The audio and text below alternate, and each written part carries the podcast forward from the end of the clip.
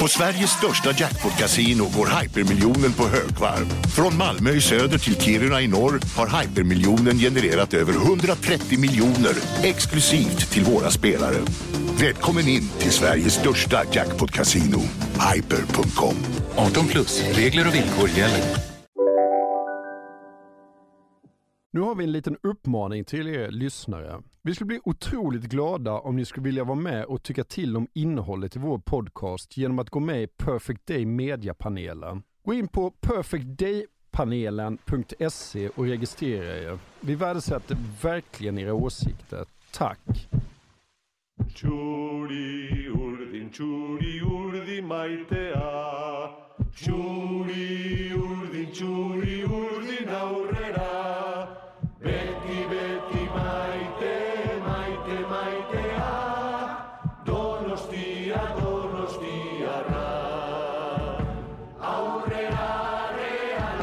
Ju inte fel.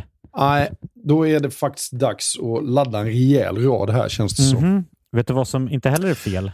Nej. Födelsedagsfirandet och alla härliga Mm. historier vi får in. Exakt, Mm. för vi är ju mitt inne i Stryktipsets 90-årsfirande som vi firar med att läsa upp fantastiska historier från våra lyssnare. Yes. Som skickar in dem till kings at perfectdaymedia.se. Precis, bomba på nu. Det är åtta månader kvar på det här firandet, så att, eh, vi kör nu. Mycket Stryktipshistorier vill vi ha. Mm. Och i dagens har vi fått från Peter som skriver så här. Hej på er och tack för en helt otrolig podcast. Den har räddat mina veckor i snart fyra år.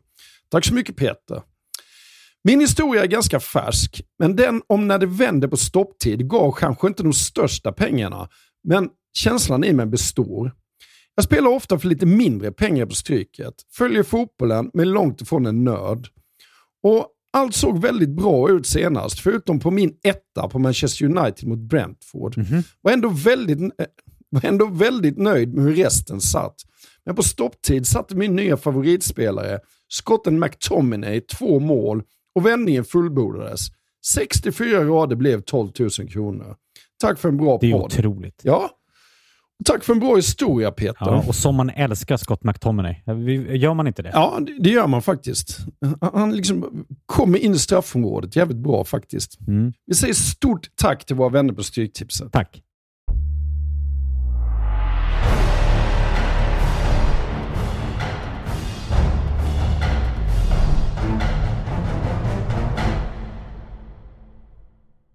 Men okej, om vi Gå tillbaka till Real Sociedad då. Du var inne på att eh, deras fantastiska ungdomsverksamhet. Vad, eh, kan du berätta mer hur den såg ut och vilken filosofi klubben hade? Men i liksom idén om baskiskt självbestämmande ingår ju absolut även idén om på ligabucklan faktiskt inte lämnade Baskien överhuvudtaget på fyra år. Men vi ska fokusera på den allra första och den allra mest dramatiska av de där ligasegrarna. Vi ska prata om året då Real Sociedad vann sin första ligatitel. Vi ska prata om Real Sociedad 1980-1981. Och det kommer bli en berättelse om ja, ett av de mest remarkabla klubblag som överhuvudtaget har funnits i Europa. Men det kommer ju då även bli en introduktion, en presentation, en förklaring av vad Alexander Isaks nuvarande klubb egentligen är för en förening och för en kulturinstitution.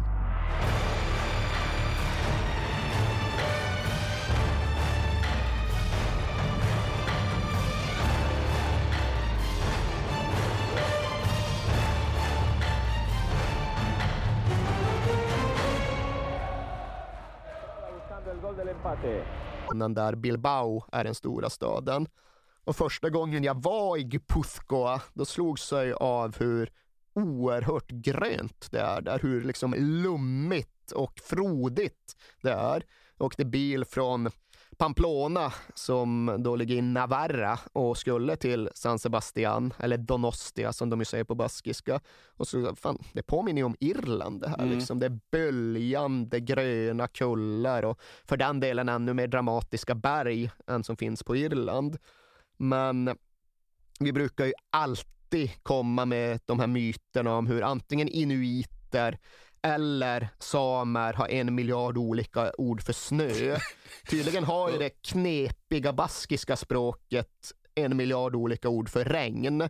För det finns så liksom olika typer av densitet på regnet som faller ner över Biscayabukten. Och Kan inte du dra de orden?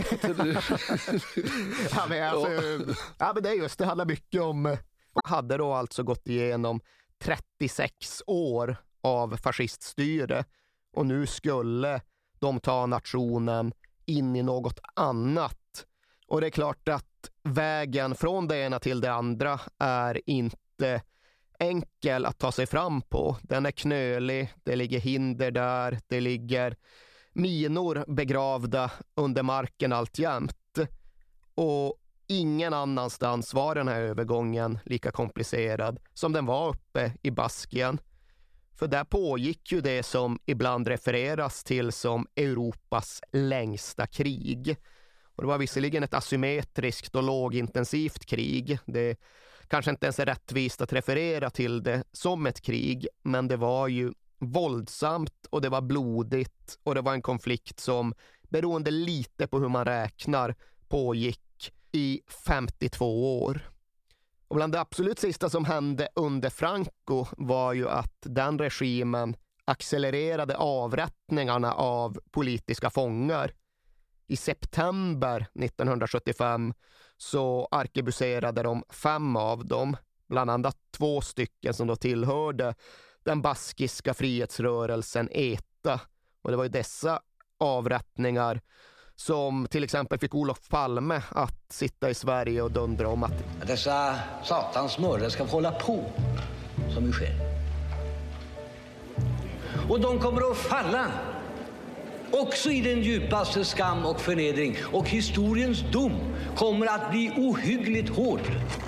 Det var ju också avrättningar som omedelbart ledde till generalstrejk uppe i Baskien och som därefter ledde till undantagstillstånd i Baskien och som också innebar att vissa baskiska fotbollsspelare gick ut och spelade matcher med sorgband eh, omedelbart efter att det hade skett. Och allt det här handlar ju i grund och botten om rätten till baskiskt självstyre. Hur stort det ska vara, ifall det ska vara inom ramarna för en spansk stat eller inte. För väldigt många basker känner ju att de har en oerhört stark egen identitet som på olika sätt förtryckts av den spanska staten på ett mer eller mindre intensivt sätt beroende på hur styret har sett ut. Baskerna har en distinkt kultur som på många sätt har väldigt lite gemensamt med den spanska, den kastilianska. Och allt det där utgår väl egentligen från språket, det baskiska språket som ju är egendomligt och Väldigt mycket fullständigt... X i orden hela tiden. Ja, det är fullständigt obesläktat Ja. med något annat eh, språk som används i världen idag. Det har liksom uppstått helt i isolering i relation till allt annat som har pågått i världen. Och precis som du säger, det är väldigt mycket X och det är lite knixigt att uttala Ja men alltså ser ord. man namn med massa X i, då, då vet ni, ja men det, det är antagligen en bask. Ja, så är det. Ja, Så är det. Ja. Men om vi till exempel ser på Real Sociedad och Alla in spelare från är i alla fall, det, är ett 70-tal klubbar i, i den här regionen som, som, som är deras, eh, där de tar in spelare från. Fan Och- vad jag är orolig för att det inte alls är någon läspning i det. kanske bara är Gipuzkoa. Det Ja. kanske inte alls ska bli Gipuzkoa. Det kanske är att, gå in på en kastiliansk liksom eh, rödskinkesrutt. Men ja, ja. Ja, jag, tror, jag tror faktiskt det är Gipuzkoa. Ja, men i alla fall, de plockar inte in dem. eh, De har inga yngre lag än Eh, U13-lag. Det är först då de börjar. Därför att de vill att eh, unga ska, eh, ska utveckla andra idrotter och liksom komma längre innan de börjar, börjar utveckla dem.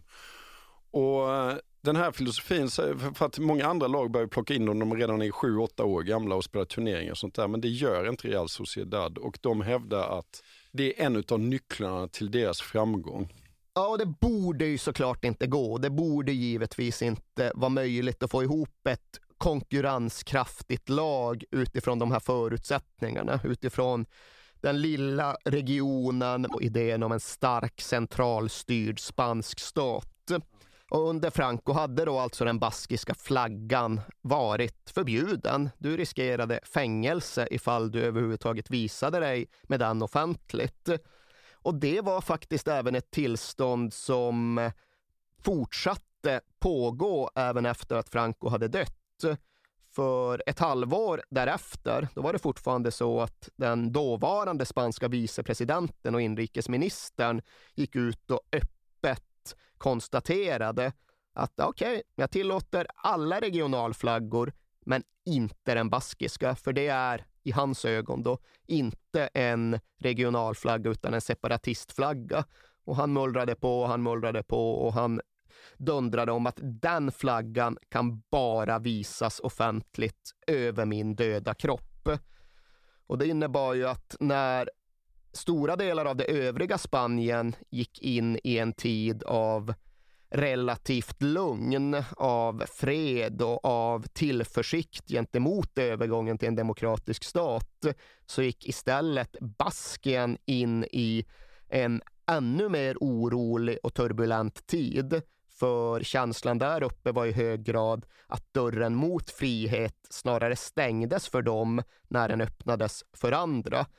Så istället för en vapenvila, som det verkligen hade varit prat om omedelbart efter Francos död, gick ju då den väpnade baskiska frihetsorganisationen ETA in i sin allra mest aktiva och allra mest blodiga period någonsin. Och det är i den kontexten som vi börjar prata om Real Sociedad och det lag som de utvecklade under den här tiden. ETA's bloody past left over 800 people dead. In 1959, ETA was founded trying to win Basque independence. Its full name means Basque Fatherland and Freedom.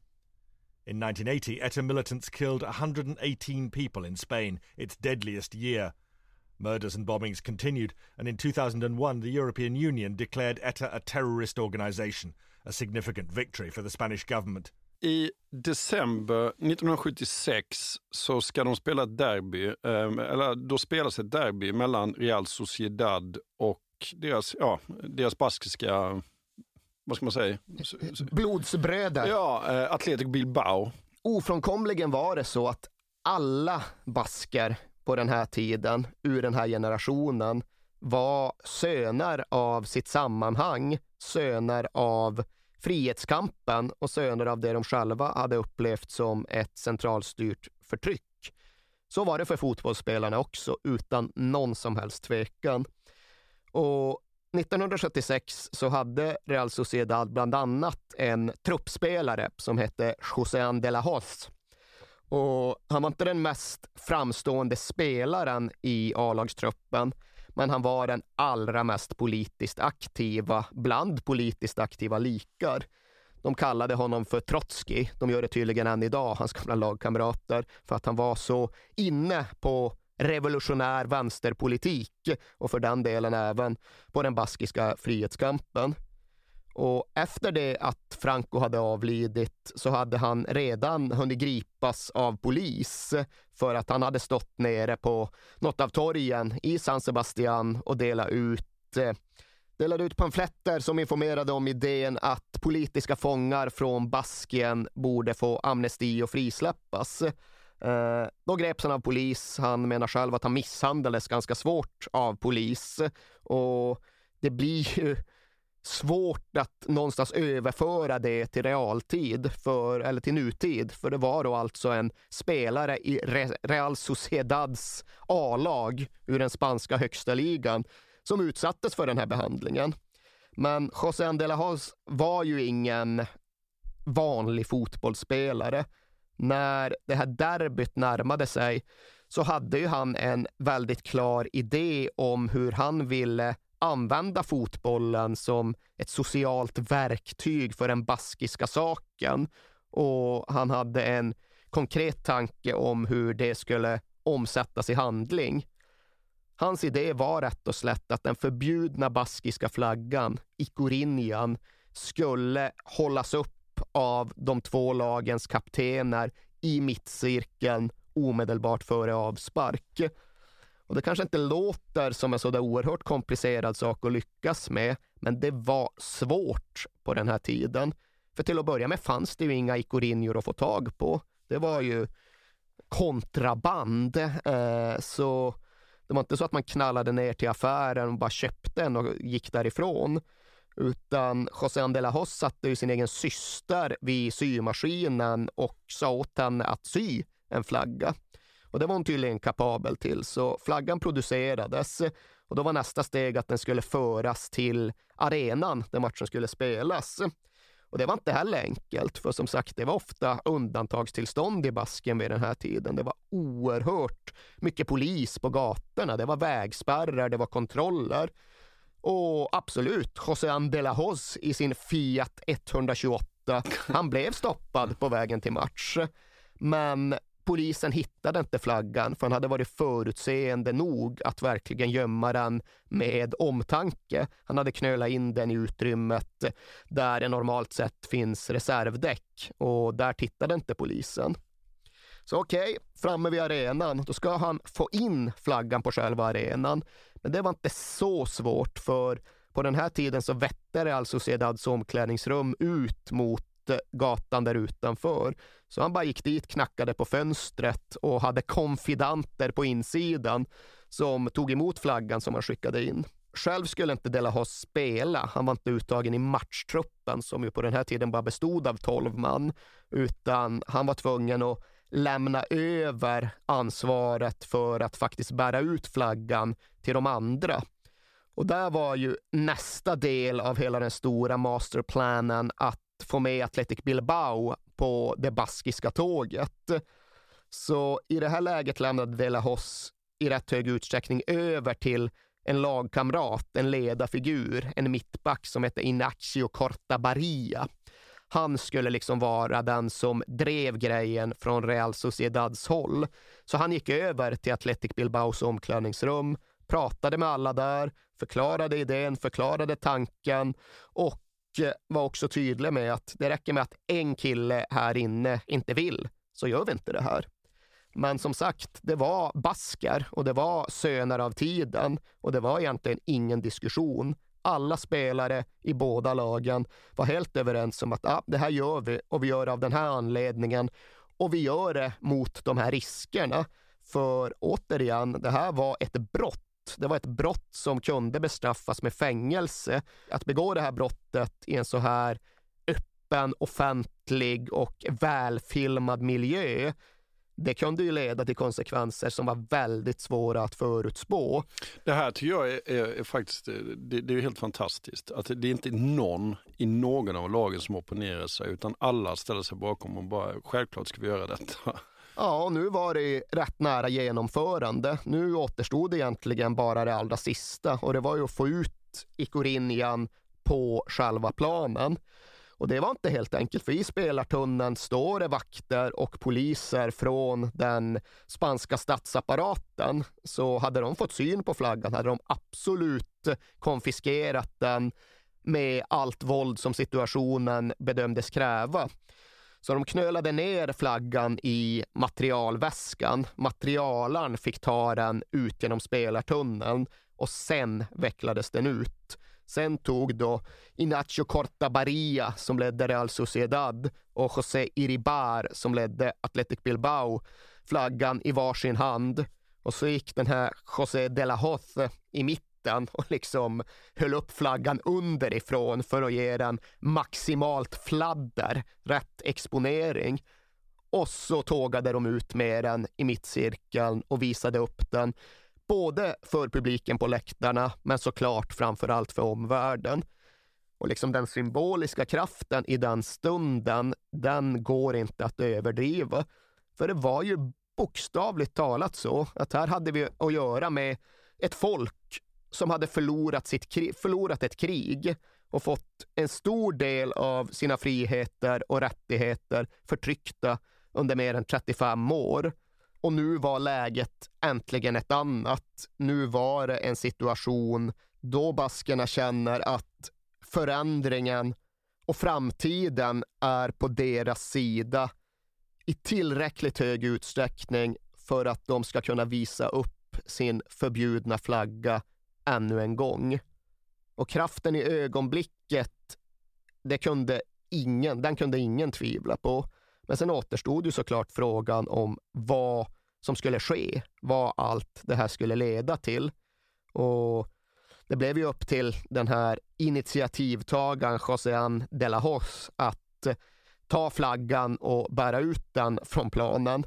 Och då gick det inte många sekunder innan polismännen på plats eh, tog honom, ruffade upp honom, drog flaggan ifrån honom och sa att det här skulle ni inte ha gjort. Det här kommer inte passera obestraffat. Men det gjorde det ju faktiskt. Det var dagar som gick, veckor som gick och ingenting som hände i relation till vare sig någon av klubbarna eller någon av spelarna. Det passerade faktiskt obestraffat förbi från den spanska centralmaktens håll. Och det var väl egentligen det allra tydligaste tecknet på att det verkligen hade skett en förändring i Spanien. Det faktum att inget hände var det som underströk att någonting hade hänt. Och det rådde ju fortfarande viss presscensur i Spanien när det här skedde. Men den baskiska lokaltidningen El Correo Vasco den skrev ändå just det där att den beskrev vad som verkligen hade hänt och den refererade till ja, en beundransvärd handling av fotbollsspelare som inte ser sig som gudar nedskickade från Olympen, utan som ser sig och som beter sig som söner av sitt folk, bröder av sina läktare. Och sen gick det faktiskt bara sex veckor innan Ikorinjan fick tillstånd att hissas på det stora torget i staden de själva kallar för Donostia, alltså San Sebastian på svenska. Då vajade återigen den baskiska flaggan över en av de stora stolta baskiska städerna. Och det var inte fotbollens förtjänst, men det var absolut så att fotbollen hade accelererat processen som ledde dit. Ska jag säga också att just, eh, just denna flaggan ligger nu i Real Sociedads museum. För den som, de, de, ja, de lyckades reclaima den på ja. något sätt. Den försvann ju då till polisen det första som hände, men på ett eller annat lite dunkelt sätt så har de lyckats få tillbaka, få tillbaka flaggan ja. och den finns idag on display. Och det som också ska sägas är att José de la Hoz då, spelaren som såg till att allt det här hände. Han fortsatte spela fotboll i ytterligare ett par år efter detta. Men sen avslutade han sin aktiva karriär i förtid och gav sig in på juridiken istället. Och det gjorde han ju inte för att vara en lite häftig brottsmålsadvokat, utan han gjorde det egentligen enbart för den baskiska saken. Och han valde ju en väg som inte är okontroversiell. Han valde ju en väg där många spanjorer skulle betrakta honom som terroristsympatisör eller till och med terroristmedhjälpare. Högsta internationell klass. Och han var också en så här liksom jättelik auktoritär figur som han var väldigt trygg med när han kom ut på planen. Men han är i Sverige så är han mest känd för en annan sak. Ja, grodan i EM 84 ja, när han liksom ja. dyker över Platini-bollen. Exakt. Ja. Platini ha tocado y Arconada. ¡Qué error! ¡Qué desgracia, señores! ¡Qué desgracia! ¡Qué desgracia! En el minuto once y medio no ha podido ser más desgraciada la, la jugada. ¡Qué desgracia para el gran Luis Arconada! Ja, som sagt, han gjorde även ett, inte alls lika grovt, men för honom nästan ännu mer kostsamt misstag i den här matchen mot Sevilla. Så han går verkligen in i, i säsongen 1980-81 med någon form av personlig revansch att utkräva. Mm. Lite längre fram i planen ska vi absolut också stanna till vid Perico Alonso. Och dels såklart för att han hade en bassa som representerar då den eh, väpnade kampen. Och sen eh, måste vi säga här också att Real Sociedad vinner ju det här derbyt med 5-0. Men målvakten, lagkaptenen i Bilbao, han Iribar, hänvisar ändå till den, det är den bästa matchen han har spelat. Liksom. Alltså José Iribar i Atletic, han valde ju också en annan väg efter sin aktiva karriär. Han blev ju inte en ETA-jurist som eh, underlättade kidnappningar, men han blev politiskt aktiv. Han fortsatte arbeta för Baskien i sammanträdessalar och mötesrum och plenisalar. Och det gjorde faktiskt även Inacio Cortobaria som då alltså var kaptenen för Real Sociedad den här dagen och som skulle förbli kaptenen för Real Sociedad under alla, om då, och alla de år som vi kommer prata om. Och det är kul, eller jag vet inte om det är kul, men det är i alla fall intressant med både Iribar och Cortabaria. För de var ju så skickliga spelare att de båda var, eh, höll landslagsklass. Och Iribar gjorde ganska många landskamper. Han gjorde uppemot 50 landskamper innan allt det här hände och innan han blev mer eh, vokal i sitt stöd för den baskiska saken och han därefter slutade bli uttagen.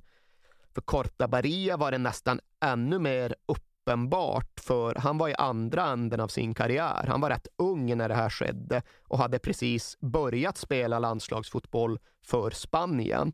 Men han gjorde bara fyra landskamper för Spanien och han har pratat lite grann om hur han upplevde det. Han upplevde att det inte alls var någonting han trivdes med när det kom liksom landslagsdelegater och var på honom om att nu får du lov att sjunga den spanska nationalsången. Mm. Så han sa helt enkelt nej till att representera det spanska landslaget av den anledningen. Han gjorde ingen stor sak, så, så här hård och tuff snubbe. Skönmstorch. Ja, men det hade mm. de nästan allihopa. Ja, hade de, många, många hade det faktiskt. Långhåriga mustascher, gled runt i jeans istället för kostym till matcherna. Var liksom bra rövarband också, med korta shorts och sjukt tajta tröjor. Ja. Men slutligen då även Jesus Maria Zamora. Honom har vi redan nämnt några gånger och honom kommer vi komma tillbaka till. För han hade mycket mycket, men han hade kanske framför allt förmågan att göra väldigt många avgörande blytunga mål och det ger honom en särskild plats i Real Sociedads fotbollshistoria. Han, men han var central mittfältare? Ja, alltså hade väl Offensiv, lite så fri ja. roll, utgick lite till vänster. Han och Ufarte brukade spela väldigt nära tillsammans på vänsterkanten. Men någon form av Zidane-position, så ja. som han spelade mot slutet av sin karriär kanske. Ja. Men i alla fall, 18 spelare i truppen, samtliga då från Gipuzkoa. Eh, bara två stycken av dem hade spelat i Baskien igen och Cortabaria spelade landslagsfotboll igen. Det var ju absolut en match som många i Madrid försökte stoppa, som de önskade aldrig skulle spelas. Och de förbjöd den inofficiella baskiska nationalsången från att spelas på arenan. Det var en handling som ledde till att egentligen hela VIP-sektionen tömdes på baskiska dignitärer, för de gick därifrån i protest. Men matchen spelades och landslaget vann. I den allra första matchen så slog de Irland med 4-1. I matchen därefter så slog de Bulgarien med 4-0. Och när de här spelarna har reflekterat över vilka de var och hur skickliga de var och hur mycket de brann för den baskiska tröjan i det här läget. Då menar de ju på allvar att vi hade kunnat vinna VM. Ja. För alla spelare som deltog var uppe på högsta klass vad det gällde en spansk kontext. De tillhörde ligans bästa spelare. De hade varit på tal för en spansk landslagstrupp och så hade de den här extra elden i kroppen. Det gick ju absolut att prata om att Katalonien hade kunnat vinna VM 2010 mm. när liksom Barcelona-generationen var som starkast. Det här var den baskiska motsvarigheten. Ja, det var inte Gibraltar vi pratade om här liksom. Nej, jag vet inte. De kanske vinna, ja det hade de väl kunnat, men de hade ju haft ett realistiskt anspråk på att gå till i alla fall VM-kvart. Så många var så skickliga och så många brann så mycket. Ja. Och det var ju ändå så att de allra flesta fortsatte ju att göra sig själva tillgängliga för spanskt landslagsspel. Det var inte så många som kände lika starkt som Iribar och Cortabaria. Så när EM 1980 spelas i Italien, då har Real Sociedad fyra spelare med. Men landslaget är ju inte bra av en rad olika anledningar vid den här tiden. Så där slutar de sist i gruppen. Men det är en Real Sociedad-spelare, Jesus Maria Zamora, med när de tre bästa spelarna i turneringen utses. Det är Zamora, så är det två till. Vilka är de egentligen? Och fy, nu du, uh, är det någon check med?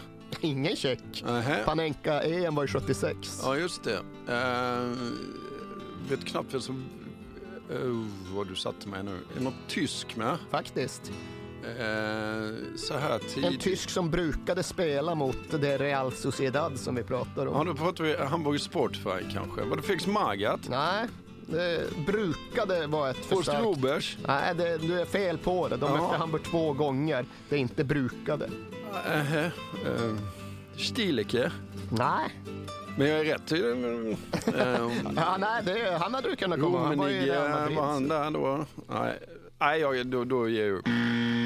Ah, du kommer nog inte ta det. Du var i och för sig inte så långt borta från att ringa in Bernt Schuster. Det. Sen därefter var det även belgaren Jan Keulemans som var en svårstoppad murbräcka under 1980-talet.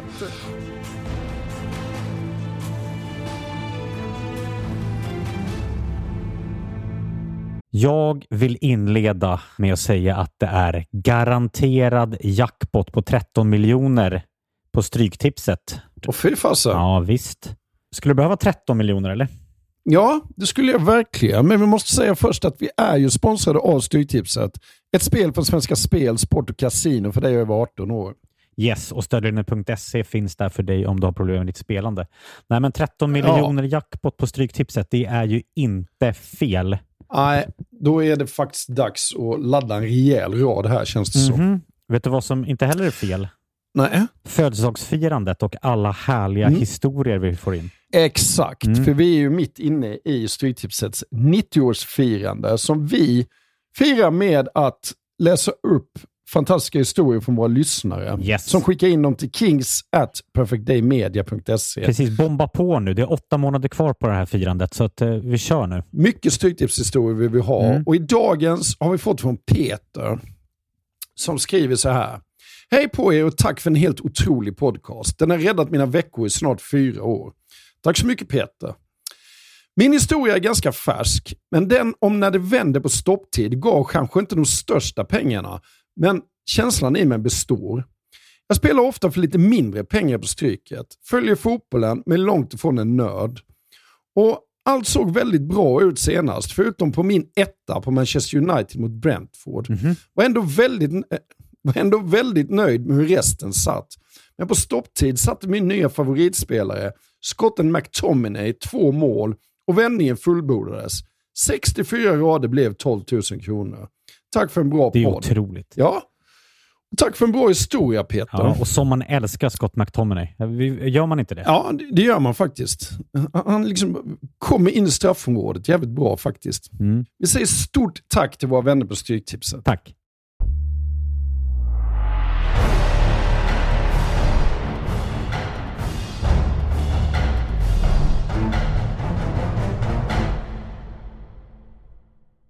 Men okej, om vi Gå tillbaka till Real Sociedad då. Du var inne på att eh, deras fantastiska ungdomsverksamhet. Vad, eh, kan du berätta mer hur den såg ut och vilken filosofi klubben hade? Men i liksom idén om baskiskt självbestämmande ingår ju absolut även idén om baskiskt självförsörjande. Och det gäller ju alla samhällssektorer, all kulturutövning och definitivt även fotbollen. Alla vet ju att Athletic Bilbao än idag enbart använder sig av baskiska spelare. Men på den här tiden var Real Sociedad nästan ännu mer fokuserade på närproducerat. Det är ju en klubb som alltid utgått från kanteran, alltså från ungdomsakademin. Men det har aldrig varit lika accentuerat som under just de här åren. Och det ska ju också sägas att det är skillnad på Baskien och Baskien. Real Sociedad kommer från regionen som heter Gipuzkoa. Och den Alltså, är är så det uttalas. Ja, jag tror det. Alltså, det är ju inget S på baskiska, men jag är ganska trygg i att det är Gipuzkoa. eh, Med reservation för att jag helt enkelt inte klarar av att uttala det. Eh, Men Gipuzkoa är ju mycket mer ruralt än industrialiserade Biscaya. Biscaya är då regionen där Bilbao är den stora staden. Och första gången jag var i Gipuzkoa, då slogs jag av hur oerhört grönt det är där, hur liksom lummigt och frodigt det är.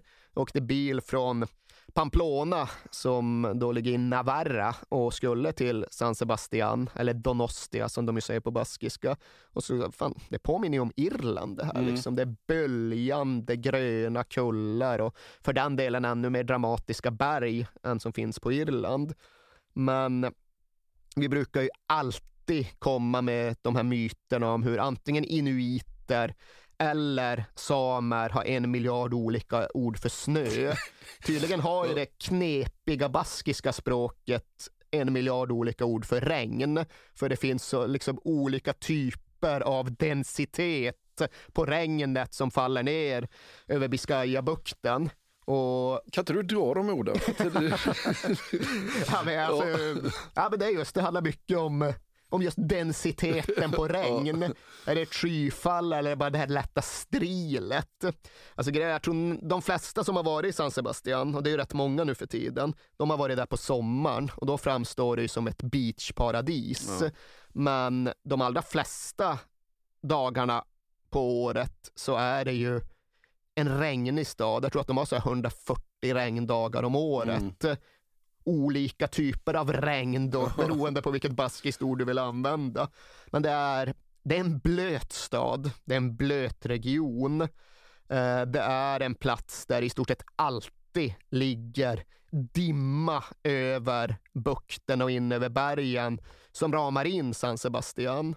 Och den här staden tog ju rätt tidigt faktiskt, för hundra år sedan drygt, ett väldigt medvetet beslut om att ja, men, vi ska satsa på turism. Vi ska inte satsa på tillverkning som de i högre utsträckning gjorde i Bilbao. Så de har ju liksom varit någon typ av resort under väldigt lång tid. Och idag är San Sebastian en väldigt välmående och välutvecklad turistdestination. Det är ju väldigt mycket gastronomi och Michelin-krogar. Mm, det det. det för den delen surfing också, men det är liksom kultur. Det är liksom ett ställe med hög livskvalitet. Men det är då också en stad och en region med just en väldigt distinkt egen identitet även inom ramen för det baskiska. Det här är inte Athletic Bilbao. Det här är inte Osasuna från Pamplona. För det är då baskiska klubbar som alltid varit oerhört förknippade med en fysisk, nästan brittisk, gyttjefjättrad fotboll. Eh, det finns gyttja i Gipuzkoa också, men det finns en idé om att Real Sociedad skapar och producerar en helt annan typ av fotbollsspelare.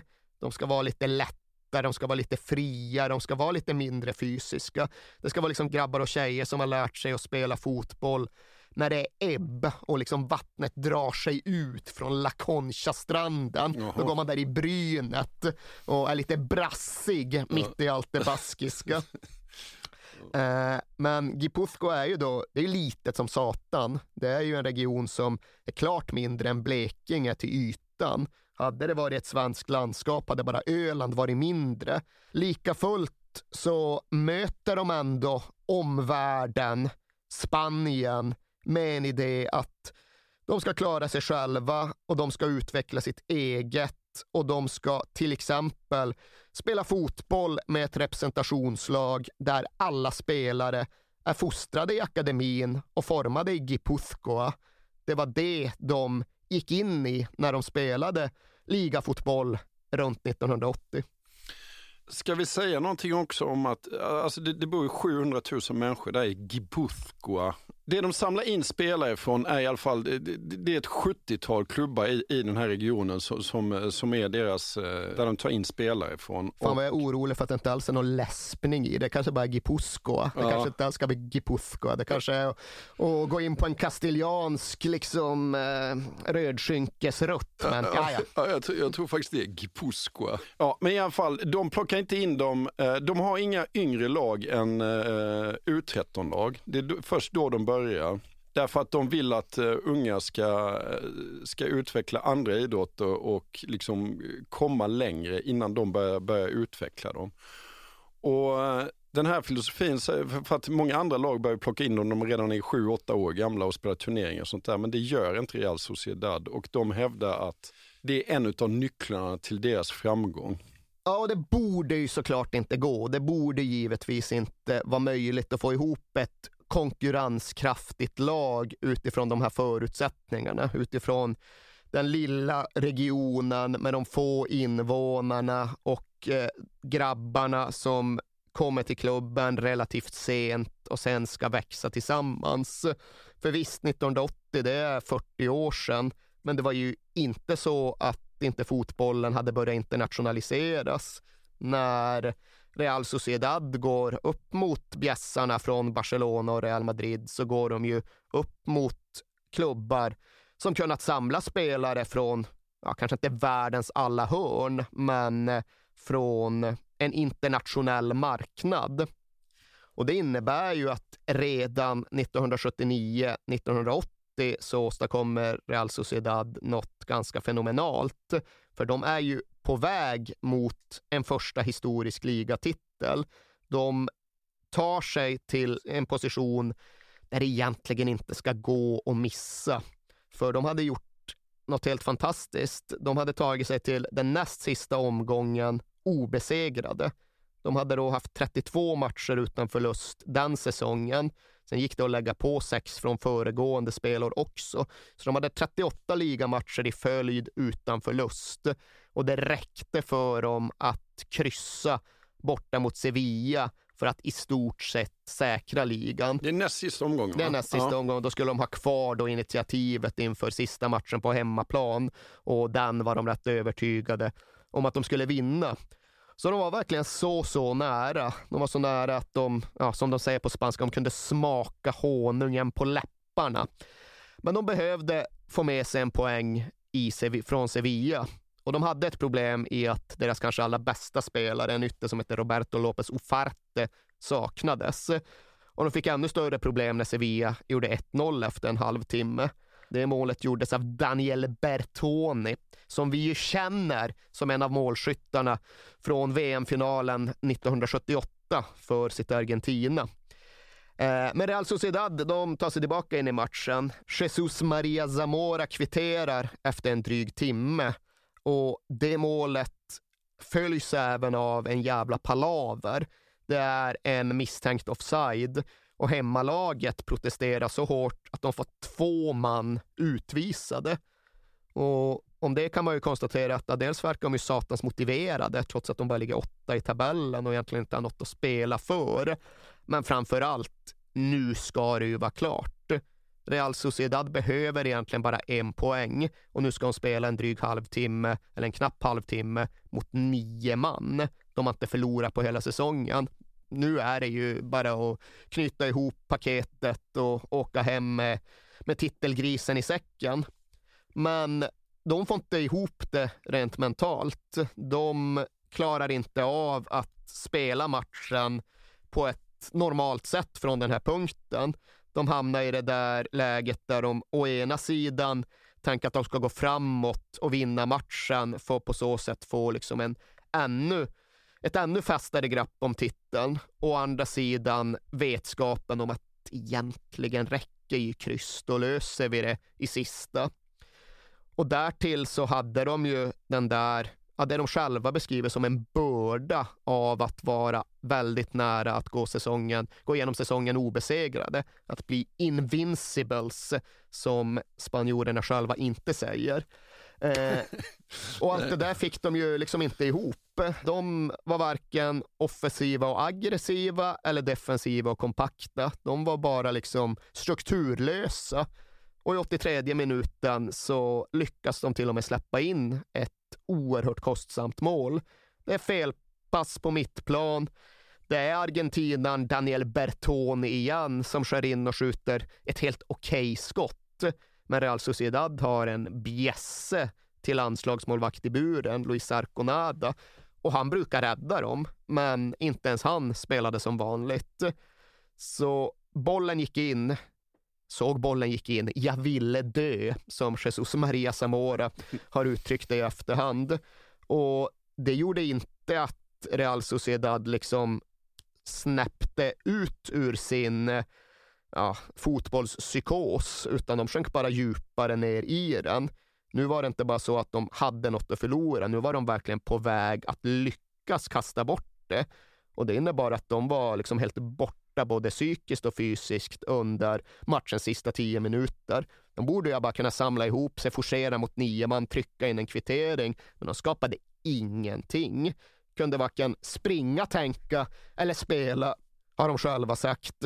Och där och då, nere i Sevilla, försvann den ligatitel de borde ha haft. Den ligatitel som skulle ha blivit klubbens allra första. Som skulle ha liksom understrukit någon form av sportsligt mirakel och någon form av liksom baskisk stolthetsgrej. Men det blev ju ingenting.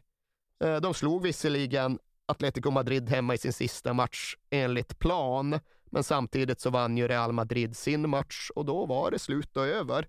De tappade titeln där mot nio man i Sevilla. De tvingades konstatera att Comets förbannelse hade fått eh, ytterligare en anledning att bli trodd på. Vad kan du om Comets förbannelse? Mycket lite. Faktiskt ingenting. det, det ska jag faktiskt knappt klandra dig för. Ja, det är tydligen så, eller det är inte tydligen så, det är så att vid sidan om fotboll är cykling stort som satan Mm. i Baskien. Och Julian Comet var någon fransman bosatt i San Sebastian i början av 1900-talet som hade vikt sitt liv åt att utveckla baskisk cykling. Men när då Real Sociedad byggde sin arena, sitt spirituella hem, Atocha-stadion 1913, så då rev de samtidigt en gammal velodrom som stått på samma plats sedan 1888. Och cykelentusiasten Julian Comet blev så förbannad att han satte en förbannelse på Real Sociedad. Kommer aldrig bli mästare, kommer aldrig vinna någonting. Och det här skedde då 1913 och under tiden som hade gått mellan 1913 och 1980 ja, då hade de förlorat en del cupfinaler och, de hade, och den lurar ju alla. Och den går av en slump fram till en blåvit spelare snarare än någon annan. Och nu är det ju bara sekunder på matchuret. Jesus Maria Zamora, han tänker inte, han tittar inte, han funderar inte. Han slår bara till bollen så hårt som han någonsin kan. Och målvakten har ett ben på den, håller på att styra den bort och över. Men lyckas inte. Den går ju in i mål. Zamora ser det, tänker está. Det räcker. Alonso, centra Alonso, salta Satrústegui, despeje de puños del portero, atención. ¡Gol de la Real Sociedad! ¡Gol de la Real Sociedad! Un gol que puede equivaler un título de liga, señoras y señores. Gol de la Real Sociedad. Observen ustedes, observen ustedes la euforia. Vean ustedes cómo tras el disparo de Zamora que se ha colado en el fondo de las mallas, no han podido contenerse los jugadores reservas, el banquillo de la Real, cómo es un momento indescriptible. Vamos a dejar de hablar porque las imágenes aquí sí que valen, no por mil, sino por un millón de palabras, señoras y señores. Indescriptible el ambiente que se vive en el Molinón por parte de toda la embajada vasca cuando la Real Sociedad ha equilibrado el marcador, estableciendo el empate a dos que puede suponer, vamos a ver si se resiste unos segundos, la victoria liguera. Och eftersom att det hade varit sånt jävla oväder när man tittar på bilderna från den här matchen, då är det oerhört många paraplyer på läktarna under hela andra halvlek. Nu ser man måljublet, det är inte ett jävla paraply. Nej. Jag vet inte vart de har tagit vägen, men det är ju folk som klättrar på räcken, det är folk som ska ut på planen, det är ju folk flammerat av att så oerhört många firade så väldigt mycket. För i vanliga fall, utifrån dagens kontext, då hade ju en hel värld, definitivt eh, liksom en hel idrottsnation, hoppats att den lilla hemvävda uppstickaren från Baskien skulle besegra bjässen från Madrid och vinna titeln. Så var det inte i Spanien Nej. 1980. För det var så det var så uppslitande på alla håll det här med den baskiska frågan och det var ju jättemånga i Spanien som med rätta var livrädda för ETA. Det var ju jättemånga i Spanien som med mer eller mindre stor rätta kopplade ihop ETA med en fotbollsklubb som Real Sociedad. Och den här avgörande matchen spelades ju nere i Sevilla och det är ju liksom tjurfäktningens och flamencos Andalusien. Det var verkligen någonting som satte sig i både spelare och anhängare runt Real Sociedad. Hur mycket det firades i Sevilla och det verkligen trycktes upp spanska flaggor i nyllena på dem efter det här. Men det var som sagt så extremt eh, stormiga år på alla sätt. Den här matchen i Sevilla spelades den 11 maj 1980.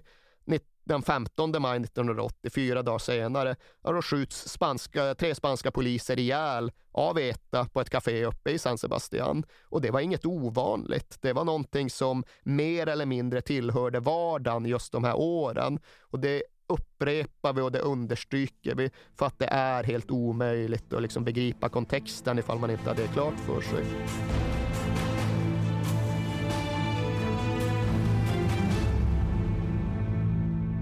Om vi går tillbaka till det fotbollsmässiga här så är de borde vara lite nedtryckta i skorna efter att ha missat detta. Eh, Men inför nästa säsong så byggs en trupp som är väldigt, väldigt bra. Ja, det händer ju inte så mycket med truppen. Det är ju mer eller mindre samma lag som ska in och göra det igen. Men det kan ju absolut vara läge att snabbt gå igenom den. Och vi ska inte försöka pränta in knixiga baskiska namn som inte säger någonting för er i alldeles för hög utsträckning. Men några av de viktigaste ska vi ju ändå gå igenom. Tränaren till att börja med hette Alberto Ormaetxea.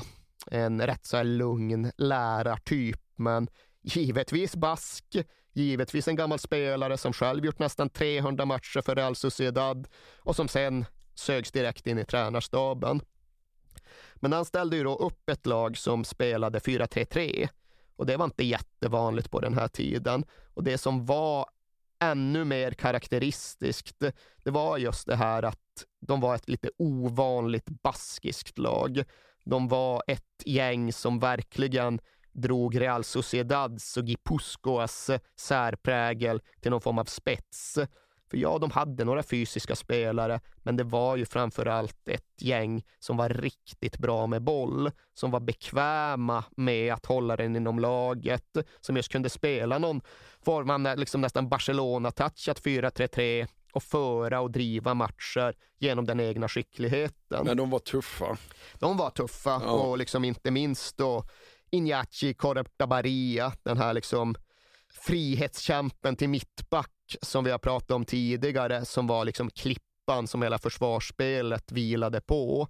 Vi ska även nämna Luis Arconada i målet ytterligare en gång, för han höll högsta internationell klass och hon var också en så här liksom jättelik auktoritär figur som man var väldigt trygg med när han kom ut på planen. Men han är i Sverige så är han mest känd för en annan sak. Va? Den där grodan i EM 84 Ja, när han liksom ja. dyker över Platini-bollen. Exakt. Ja. Platini ha tocado y Arconada.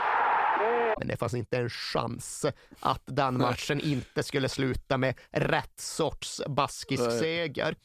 Och som sagt, det resultatet, den matchen, målen från återigen då Samora Ofarte, ja, den innebar att det var baskisk buckla för andra året i rad. Real Sociedad-vinst för andra året i rad. Men sen så efterföljdes ju de två säsongerna då av ytterligare två baskiska titlar när Athletic Bilbao tar stafettpinnen och vinner ligan två år i rad på sitt håll. ja, det var fyra fina år för Basken. Sen var det ju eh, VM på hemmaplan 82 också. Ett ganska beige spanskt lag, men det var ändå rejält med Real Sociedad-spelare i det. Ja, det är en story för sig. Det är verkligen en story som kanske borde få ta större utrymme än den får här. Men vi kan ju ändå bara passa på att snabbspola den ur Real Sociedad-perspektiv. För det var ju rätt bisarrt. Redan i omklädningsrummet efter matchen mot Athletic Bilbao, alltså matchen som gav dem titeln, så kom det fram representanter från inrikesministeriet och från den nationella spanska polisen och tog Real Sociedads VM-spelare åt sidan och sa att från och med den här stunden så kommer ni ha livvaktsskydd 24-7. Ni kommer ha fyra livvakter var och de kommer vara med er dygnet runt. Och de, jaha, varför då liksom? Och de ska aldrig ha fått någon riktigt vettig förklaring till det, men eh, det behövdes ju egentligen inte. Det var för att det skulle vara ett VM i Spanien och att de kom dit som framgångsrika basker. Ja. Det var det som var anledningen. För det var inga andra spelare i truppen som fick samma typ av beskydd. Nej. Men Spanien spelade ju då VM på hemmaplan så de hade inte behövt kvala utan de hade bara spelat träningsmatcher. Och i den sista träningsmatchen inför VM så mötte de Schweiz. Och i den träningsmatchen så är sex av startspelarna, alltså mer än halva laget från Real Sociedad. Mm. Och det har aldrig hänt, vare sig förr eller senare, att det stora dominantspelare, han som liksom var X-faktorn, han som gjorde skillnaden, deras Ryan Giggs, ifall vi ska liksom begripliggöra vilken typ av spelare han var. Que, atención, se lleva López Ufarte. Tiene junto a él a Richard, va en el forcejeo López Ufarte a intentar meterse en el área. Atención, cediendo a Bajate. Agorre, perdón, es Rural, el que acaba de marcar el segundo. Gjorde dock ännu fler mål än Giggs och liksom var kanske på ett ännu tydligare sätt lagets allra bästa spelare. Eh, två gubbar till ska vi ha med. Eh, Jesus Marie Satrostegui, framför allt centern, målgöraren.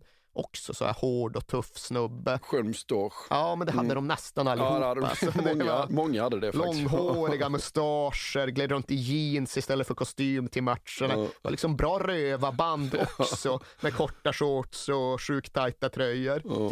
Men slutligen då även Jesus Maria Zamora. Honom har vi redan nämnt några gånger och honom kommer vi komma tillbaka till. För han hade mycket, men han hade kanske framför allt förmågan att göra väldigt många avgörande blytunga mål.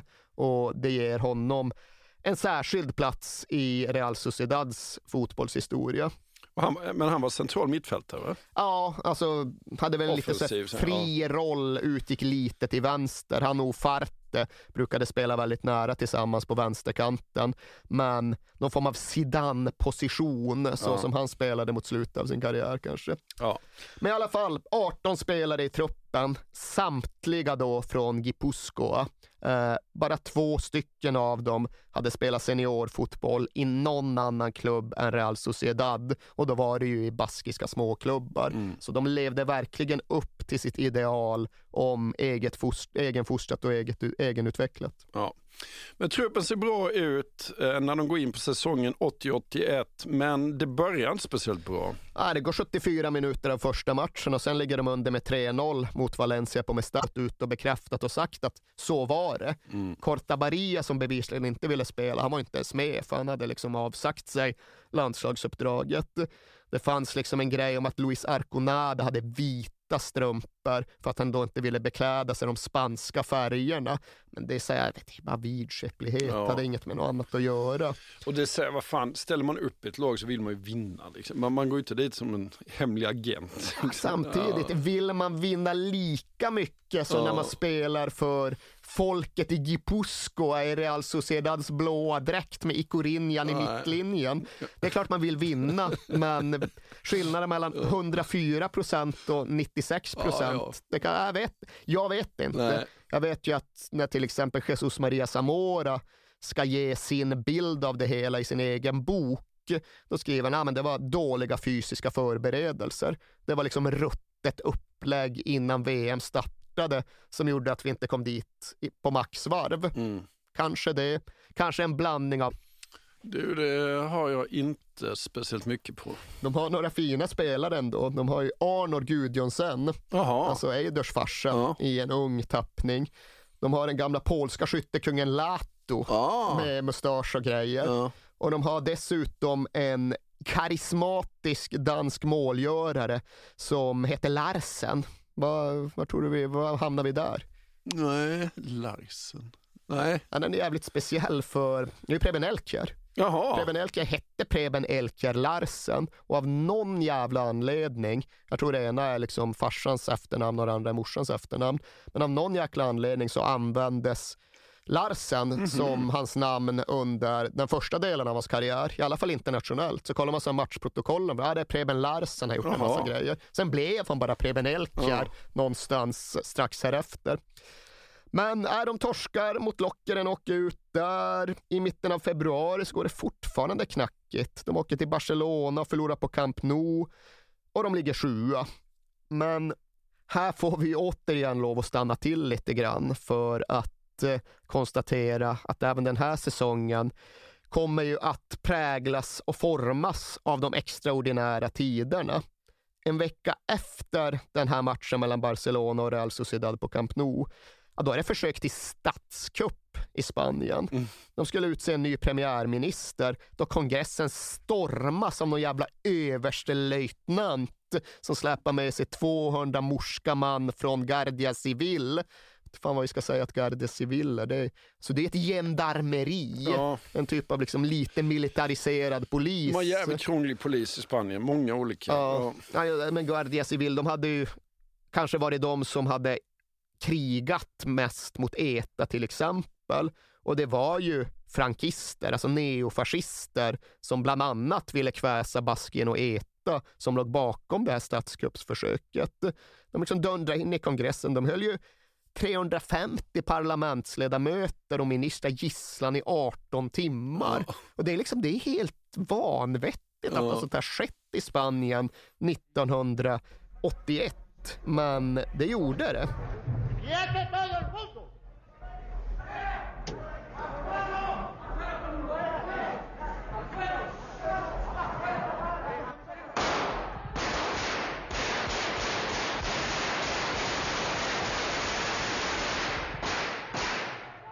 Och inte nog med detta. När vi är i precis just dessa veckor, då måste vi ju även berätta om det som också följde på matchen mellan Barcelona och Real Sociedad. Eh, det faktum att det var ett statskuppförsök hade inte så jävla mycket med den fotbollsmatchen att göra. Det sa mest bara någonting om turbulensen. Men det som också hände var ju i allra högsta grad knutet till fotbollen. För i den där matchen mot Real Sociedad i mitten av februari hade ju Kini ett av målen för FC Barcelona. Ja, vem fan är då Kini? Jo, det är ju landslagscentern. Alltså det är ju Spaniens nummer nio i grund och botten. Han hade redan vunnit skytteligan tre gånger när han spelade uppe i den relativa småklubben Sporting Gijon. Sen hade han då värvats till FC Barcelona och var nu mitt uppe i en hittills väldigt lyckad första säsong där. Han hinner spela en match till efter då målet mot Real Sociedad. Eh, den första mars gör han ytterligare två mål när FC Barcelona krossar Hercules med 6-0 och sen sätter han sig i sin bil för att åka hem från Camp Nou. Och då omkullkastas allt. För då överfalls han till att börja med av tre beväpnade män. Och sen är han bara borta. Sen är han bara borta. Och absolut ingen har minsta aning om vad som har hänt. Alltså, vad fan är han mördad? Är han kidnappad? Är det ETA? För det var alltid ryggmärgsreaktionen i någon form av spanskt fall, folkdjup Eh, vid den här tiden. Sker det något djävulskap eh, eh, inom Spanien, även då inom Katalonien i det här fallet, så lär det vara ETA eh, som ligger bakom. Och det klarnar efter några dagar det faktum att ja, han är kidnappad, men det är alltjämt oklart av vilka och det är alltjämt oklart vad de egentligen vill. Men FC Barcelonas vicepresident, han går ut och dundrar. Han liksom säger att ja, men jag är beredd att byta mitt eget liv mot Kinis. Spelarna i FC Barcelona, de pratar ju om att, ja vad fan, vi lär ju inte spela fotboll i alla fall. Ska vi, ska vi dra oss ur ligan direkt och definitivt? Men med tiden så hör då kidnapparna av sig. Det är ju inte ETA. Det är i själva verket tre arbetslösa asturier som enbart var ute efter lösensumman.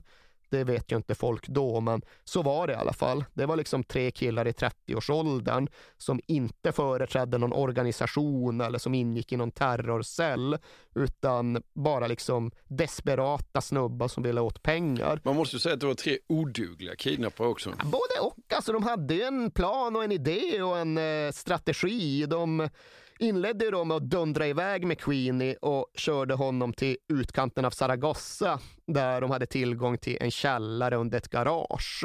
Och sen genomförde de ju då en process där de spelade in sina krav på en kassett med röstprov från Queenie för autenticitetsbevisningens skull. De lämnar den här kassetten på en bartoalett i Barcelonas gotiska kvarter och meddelar att vi vill ha 300 miljoner pesetas. Det motsvarade då ungefär 20 miljoner svenska kronor på den här tiden för att eh, släppa tillbaka Kini oskadd.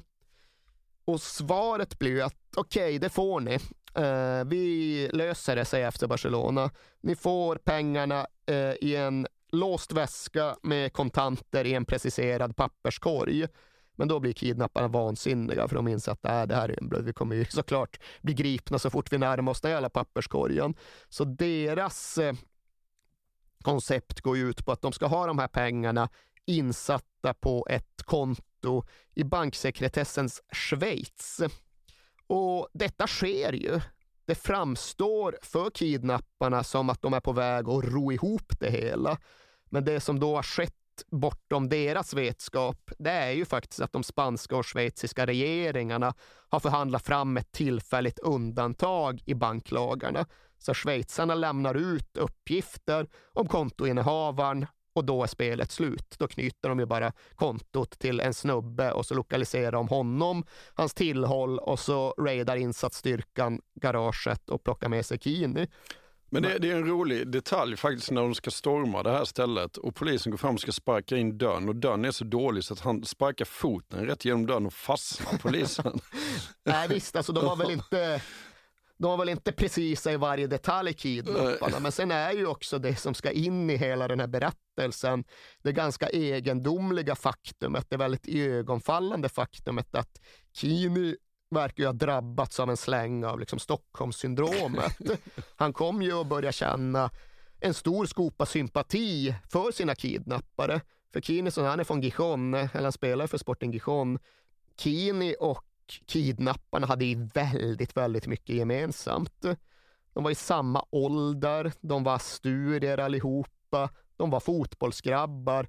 Det var liksom bara det att livet hade tagit dem i olika riktningar. Men det var ju inte så att liksom Kini blev slagen och hunsad och jävligt illa behandlad från händelsernas centrum. Och det förändrade hela känslan kring Real Sociedads hemmamatcher. Som sagt, de slutade till och med skjuta upp fyrverkerier när hemmalaget ja, gjorde mål. Ja. Så det var väl det som verkligen gjorde så att Real Sociedad sjönk ner en identitetskris under 1990-talet. Det var inte så mycket det där att det kom spelare från andra delar av världen, utan det var mycket mer det att de inte längre hade något hem som de trivdes med. Nej om vi ska gå in lite så att senast de var, eh, alltså verkligen att nosa på titeln var väl 2002-2003 va? Och då hände det ju mycket. Perikos son. Ja, då ja. hände det ju mycket. Perikos söner, om ja, jag får just be. Det, ja. Uh, för det var inte bara Xabi Alonso, det var även Mikkel Alonso som i och för sig är mer av en truppspelare. Uh, men det är klart att det fanns något väldigt romantiskt optimistiskt i idén om att de skulle vinna ytterligare en titel i direkt kamp mot Real Madrid med de allra mest inblandade. Men det är klart att den fick konsekvenser och den fick ju inte minst då stora sportsliga konsekvenser. Det blev inte så att FC Barcelona drog sig ur seriespel. Det blev inte så att de vägrade spela så länge Kini var borta, utan de fortsatte spela sina matcher enligt schema, men de var ju en skugga av sitt riktiga jag. Kini var borta nästan fyra veckor. De spelade fyra ligamatcher under den här tiden och de var i grund och botten Spaniens bästa lag. De borde ha vunnit ligan.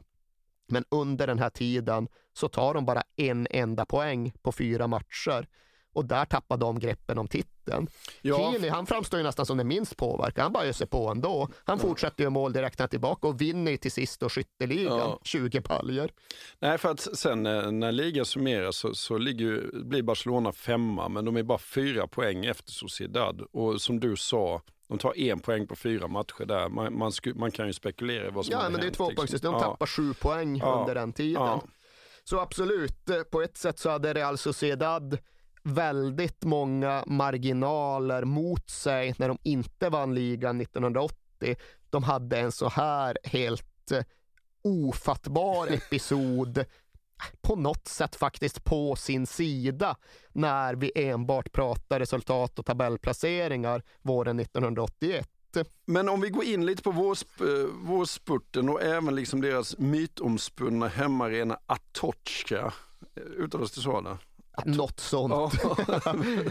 jag känner ju med mig nu att jag är suttit och uttalat, för jag har suttit och gjort det där kastilianska läspljudet. Så jag kommer ju få varenda, rätt, för varenda det. Rättrogen ja. bask kommer ge sig på Ja, mig vi ber om ursäkt för det redan nu. Ja, det gör vi. Men absolut, den arenan var väldigt, väldigt speciell och de var ju väldigt, väldigt bra där. Och de mötte till exempel då Real Madrid här i mars. där kan väl inte ens du ha varit på? Nej, det hann jag Nej, inte, för nej. de rev ju Ja. skiten 92, 93 någonting. Även solen har sina fläckar. Ja, det, det grämer man sig för, absolut. Just äh, arenor som försvann för gott utan Ja. att jag hann dit. Det är svårt att, att förlika sig med. Ja. Men på den här arenan, även om liksom formen hade varit ganska fläckig under säsongen så vann de i stort sett alltid allt på hemmaplan. Säsongen före slog de Real Madrid med 4-0 där. Nu slår de dem igen med 3-1 och det kommer visa sig betydelsefullt för, för den spanska ligan var ju uppbyggd så att ifall två klubbar stod på samma poäng så var det ju internmatcherna dem emellan som avgjorde. Real Sociedad hade förlorat med 1-0 mot Real Madrid på Bernabeu, men då vann de med 3-1 hemma och fick på så sätt internfördelen gentemot Real Madrid. Men det var ytterligare en triumf, ytterligare en stor lagseger hemma på Atocha. De hade ju slag i FC Barcelona där också tidigare den här säsongen. Och det är verkligen en mytologiserad plats i den baskiska fotbollshistorien. För länge var det så att Atocha, de hade ingen dränering där. Och som sagt, 140 regndagar om året, en miljard olika ord för regn. Det brukade bli ganska lerigt. Låter inget vidare. Men det ändrades under det sena 1970-talet, så den var klart torrare än den brukade vara under den här säsongen. Och det gynnade just den här upplagan. För som sagt, de var inga sluggers, de var Nej. inga brottare. De ville spela fotboll. Men ändå liksom vätan, gyttjan, lukten av det blöta gräset, det var en del av hela Atocha-upplevelsen. Sen vittnar ju de som brukade gå dit om att det var någonting mer än där vätan och den där gyttjan i kombination med alla övriga lukter runt arenan som gav helhetsintrycket. För den här låg ju liksom mitt inne i stan, så på gatan utanför var det alltid en fruktmarknad. Det var jättemycket frukt och det var inlagd frukt och fermenterad frukt och färsk frukt och alla människor rökte ju cigarrer Mm. och cigariller. Så hela det där liksom hopkoket av aromer gjorde att Atocha ska haft en väldigt distinkt lukt. Det Mm. luktade som en djungel och det var liksom konsekvent och permanent så. Det måste ju ha känts för bortalaget också att nu är det verkligen bortamatch. Ja, liksom. nu är det Ja. Atocha, nu är det Ja. just den här lukten. Vissa, många arenor luktar ju nyklippt gräs, Ja. men det här var en lukt som var unik för just den här arenan. Den var ju dessutom tight som bara satan, liksom så som vi brukade vilja ha våra brittiska Mm. arenor. S- Branta, fyrkantiga läktare alldeles vid sidlinjen. Det var knappt två meter från sidlinjen till läktaren, så varje gång det var inkast så kunde ju åskådarna vidröra spelarna. Och det gjorde de ju också vid behov. Det låter ju underbart. Ja, det var ju mer än en Real Madrid-spelare som fick liksom ett paraply i ryggen när de skulle kasta inkast. Det är ju bara att konstatera. Och officiellt var publikkapaciteten 26 000. Det var ju lätt 32 där vissa dagar. Ja. Det var inte så att det var digitala biljettsystem direkt, utan de öppnade ju mest bara vändkorsen när de kände för. Mm. Omklädningsrummet var inramat av en uppstoppad örn som massören själv tydligen hade varit ute jagat. Eh, vad fan gör man sen när man stoppar upp? Man dissekerar den och drar ut alla inälvor och sådär. Logiskt borde man göra det. Allt Ja. sånt har massören själv gjort och liksom smält upp den där så att den på något sätt ska ge lite kamplust. Ja. Och sen är det ju också en väldigt karaktäristisk grej för just Real Sociedad hemma. Numera är det så även på den nya arenan, men först så försvann det när de lämnade Atocha. Att varje gång Real Sociedad gör mål, eller rättare sagt varje gång det blir mål i en av Real Sociedads hemmamatcher, så utlöser det ett mindre fyrverkeri. Och det är inte någon pyroteknisk grej från en eh, uppjagad kurva, utan det var ju så att vid varje mål så var det en specifik klubbkille som hade i uppdrag att springa ut från arenan, gå till någon jävla uppskjutningsplats och dra iväg två raketer ifall Real Sociedad hade gjort mål, en raket ifall bortalaget hade gjort mål. Och det var då för att fiskarna som befann sig på någon jävla båt ute i Biscayabukten skulle kunna följa matchen och Jaha. fatta resultatet. Det här är ju liksom från det att de började spela, det är mer eller mindre före radions tid. Så det var liksom 1918 så skulle fiskarna i Biscayabukten kunna plocka upp sina ansjovis och samtidigt följa sitt Real Och Sociedad. det fortsatt eller? Det fortsätter alltså, när de bytte arena, vilket de gjorde i början av 90-talet, då la de ner den där traditionen. skandal, Ja, det är klart. ja. Nu har de återupprättat Ja, den, eh, så vitt Ja. jag förstår. Eh, Så nu ska det skjutas raketer igen eh, runt Real Sociedads matcher. Mm. Men arenan var liksom fundamental i Real Sociedads identitet, i Real Sociedads framgång, i Real Sociedads vårspurt 1981. För en sådan får de till sist ihop. Det tar verkligen sin tid. Det är egentligen först i ja, slutet av mars som de segar sig upp nära tabelltoppen igen. Då vinner de det baskiska derbyt mot Atletic samtidigt som Atletico Madrid förlorar. Och Atletico Madrid har tagit över serieledningen när FC Barcelona gick ner i sin Kini-depression. Men nu får Real Sociedad kontakt. Nu är de bara två poäng efter. Och sen går det ytterligare en omgång och Atletico Madrid förlorar igen. Och nu är de jämsides. Så in i april, in i den avslutande spelmånaden, så ligger de jämsides i toppen. Och nu ska snart allt avgöras.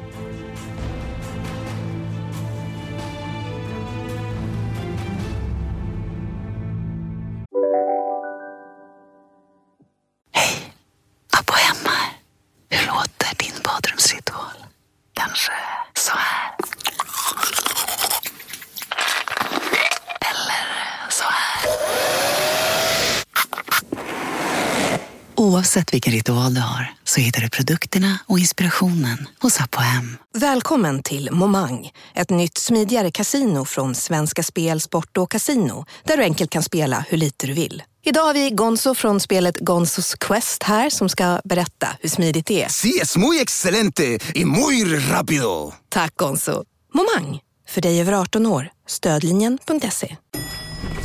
Nej. Dåliga vibrationer är att gå utan byxor till jobbet. Bra vibrationer är när du inser att mobilen är i bröstfickan. Alla abonnemang för 20 kronor i månaden i fyra månader. Vimla! Mobiloperatören med bra vibrationer. För vad händer sen då?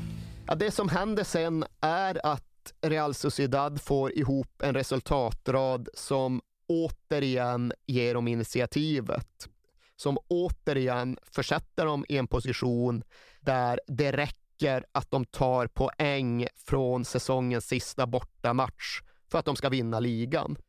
Och om något är läget nu draget ännu mer till sin spets, för nu är det inte näst sista omgången, utan nu är det den allra sista omgången. Nu är det så att Real Sociedad ska åka till Gijon, möta Sporting med vetskapen om att en enda poäng gör dem till spanska mästare för allra första gången. Och det är klart att det finns så mycket att ta in. Det är ju dels då titelmissen året före och demonerna därifrån. Det är kanske i ännu högre utsträckning hela den politiska och den samhälleliga kontexten, idén om det självförsörjande Baskien eh, förkroppsligat på fotbollsplanen som nu ska förverkligas. Och spelarna har ju i många fall vittnat om hur svår den här veckan som ledde fram till matchen ändå var. För det var extremt känslosamt. Det var svårt för dem att hålla ihop. Och det fanns någonstans med i kalkylen för när de väl åkte mot matchstaden så hade de tagit ett aktivt beslut om att inte bo i Gijon utan istället bo i Oviedo en bit därifrån för att inte sugas upp i hela euforin för att inte svepas iväg helt av känslorna. För Gijon är ju även en stad som ligger uppe på den spanska nordkusten. Det är inte speciellt långt dit från San Sebastian. När de spelade nere i Sevilla året före så hade inte speciellt många fans rest med laget för ja, det finns inte riktigt den borta traditionen i Spanien. Men nu så var det ju tiotusentals och åter tiotusentals Donostiarras som hade åkt från Gipuzkoa till Gijon för att se historia skrivas. Och när matchdagen väl kom så tar de ju då bussen från Oviedo mot Gijon och när de går på den bussen så, ja men okej, okay, vi är starka. När de sen kommer fram till Gijon och möts av det här blåvita havet, ja då känner de sig oövervinnerliga. Och det är en känsla som förstärks när matchen väl börjar, för det tar knappt ens fem minuter innan Real Sociedad får en straff. Ufarte fixar fram den, korta Baria dunkar dit den, 1-0, dunderinitiativ. Acontecida en el minuto siete y medio. Lanza corta Barria gol! Gol de la Real Sociedad, que ahora en el minuto 8 y al transformar Cortabarría un penalti se adelanta en el marcador. Uh, fanns nästan någon form av vidskeplig profetia som besannades i och med detta för en anekdot som de ofta återvände till själva spelarna. Det var det att Lopez Ufarte hade pratat under hela veckan om sin föreställning. Ja, men jag kommer fixa en straff, men jag ska inte skjuta den. Korta Baria måste göra det istället, trots att jag är ordinarie skytt. Och exakt så blev det. Så en bit in i matchen, då finns det nästan en känsla av predestination, att det här ska gå, det här måste gå, det här är skrivet. Eh, och då spelas fortfarande matchen under klarblå försommarhimmel. Men sen kommer stormen. Sen, nu är det visserligen asturisk regn snarare än baskisk regn, så jag vet inte om det måste beskrivas med något av de tusen regnorden. Men himlarna öppnar sig och förutsättningarna förändras.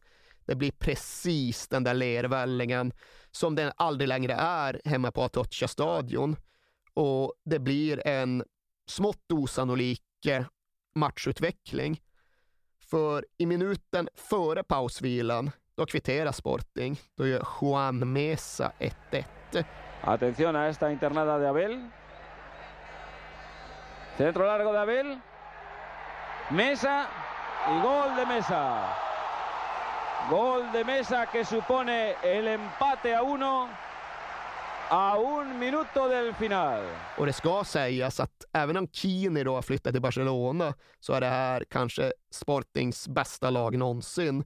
De är på väg mot att spela final i Copa del Rey lite senare och har ett riktigt bra lag. Så minuten efter halvtidsvilan, då är samma Juan Mesa mål igen. Då är det 2-1 till Sporting Gijon och då är ju allt helt förändrat. Era una falsa apreciación por nuestra parte. Sigue la Real con sus eh, hombres del inicio. Mientras recordamos, el Sporting de Gijón realizó un cambio en la primera mitad. Óscar Ferrero suplió en el minuto 21 a Cundi. Ahí está Redondo centrando. Y el balón entrando. Obra de mesa también. Apenas cumplirse el minuto de juego de la segunda parte, Mesa adelanta por primera vez en el partido al Sporting de Gijón. Och det gäller ju såklart inte minst det psykologiska läget för den där förnimmelsen av en predestinerad triumf där Roberto Lopez Ufarte såg allt som skulle hända framför sig. Den är ju helt bortsvept. Nu är det spökena från Sevilla som kommer tillbaka. Nu är det fruktan för att fiaskot från fjolåret ska ske igen som sätter sig i Real Sociedad-spelarna. Sen ska det faktiskt sägas att de är fortfarande mästare. Trots att de ligger under så är de fortfarande mästare. För ska de förlora titeln, då måste Real Madrid samtidigt vinna sin bortamatch som de spelar i Valladolid. Och den står länge kryss. Men i den 72 matchen, då gör Real Madrid mål. Och då är inte längre Real Sociedad mästare. Och i den 84 minuten, då är Real Madrid 3-1. Så då går det inte längre ens att inbilla sig att det ska komma någon hjälp därifrån. Och nu är det bara fem minuter kvar och Real Sociedad spelar inte bra. Sporting Gijon är nära att göra 3-1 flera gånger och det tycks bli precis samma platta fall som La Real hade drabbats av ett år tidigare ytterligare en gång. Ska vi säga också att matchen i, alltså Madrids match tar ju slut före, eh, före eh, Ja, det ska vi absolut Sociedads säga. match och, och de får väl för sig att matchen även är slut i Gijon va? Alltså, det som händer är ju till att börja med att inga av de här matcherna sänds på tv. Sånt hände ju inte vid den här tiden. Utan man följer dem på radio. Och nere på Zorilla i Valladolid så är det någon jävla arenafunktionär som följer matchen i Gijon på radio och får för sig att eh, det inte bara är slut, utan att det är 3-1 till Sporting Gijon. Han lägger upp det på arenans resultattavla som ju Madrid-spelarna såklart står och tittar på nere på inneplan. Siffran liksom flippas upp, tvåan ersätts av en trea, 3-1 till Sporting Gijon. Det står där på resultattavlan och Real Madrid påbörjar ju ett titelfirande anförda av sin spirituella ledare, en kille som heter Juanito. Ja, just det. Ja. Juanito var ju en liten kille, han var inte ens 1,70 lång, men han var både dribbler och målgörare och framför allt en vinnarfigur. Eh, sorgligt nog finns han inte med oss längre. Juanito dog i en bilolycka 1992, men han är ju bland de äldre Real Madrid-anhängarna den största klubbikonen de har. Ja. Varje match på Bernabeu till denna dag eh, ramas ju in av att i den sjunde minuten så skanderar den södra kortsidan och i förlängningen hela arenan Ia, Ia, Ia, Juanito Maravilla. Nummer sju, det var då hans tröjnummer. Och eh, än idag så pratar alla runt Real Madrid alltid om att när läget är utsatt, då ska de vända sig tillbaka och hitta Espirito Juanito, alltså Juanitos anda. För det var Juanitos anda som ledde dem till så många mirakulösa comebacker och vändningar. För på den här tiden var inte Real Madrid Galacticos. Det var inte liksom så att de vann genom teknisk briljans och miljardförvärv från Sydamerika, utan de vann för att Juanito släpade sina lagkamrater genom helvetets eldar fram till den titel som nu krävdes. Men de vann mycket. Mm. De vann mycket och det finns ju många som menar att de hade hjälp av eh, centrala organisationer inom den spanska fotbollen. Men det går liksom inte att lägga på Juanito på det här Nej. laget. Han hade ju till exempel gjort det året innan när allt hopp verkade vara slut så lyckades de på något sätt ta titeln före Real Sociedad och nu verkade de ju ha gjort det igen. Inför den här slutomgången så hade Juanito lovat Real Madrid-anhängarna att ifall vi bara klarar det igen, då ska jag krypa hela vägen från mittcirkeln till omklädningsrummet. Och enligt legenden, Ja, jag får inte precis. riktigt ihop det Nej, enligt inte de jag heller. bilder jag faktiskt Nej, ser nej, för inte matchen. Men enligt legenden så har han ju börjat krypa. Ja. Han har gått ner på knä i mittcirkeln, tackat för titeln och börjat krypa mot omklädningsrummet när det plötsligt uppdagas att äh, det där på resultattavlan, det var visst inte så. Det är inte slut i Gijon. Det händer andra grejer där uppe än att Sporting gör 3-1. För du, du lämnade där när det var fem minuter kvar och i slutminuterna, vad hände då? När det är 18 sekunder kvar så seglar det in ett inlägg i Sportings straffområde. Men det är fortfarande så att Real Sociedad spelar illa. De spelar krampaktigt. De spelar under svåra förutsättningar. Man tittar på bilderna och liksom bollen fastnar ju i leran Mm. när de försöker få den framåt i planen. Så de kan ju inte spela sitt flytande anfallsspel utan de måste gå över till att knacka inlägg och försöka vinna andra bollar och spela fys. Men 89-42 på matchuret. Perico Alonso pumpar in ytterligare ytterligare ett ganska dåligt och ganska riktningslöst inlägg som Sportingmålvakten boxar bort. Den hamnar hos den unga Lareal-backen Alberto Gorritz. Han tog snabbt ner den och bara drog iväg ett skott.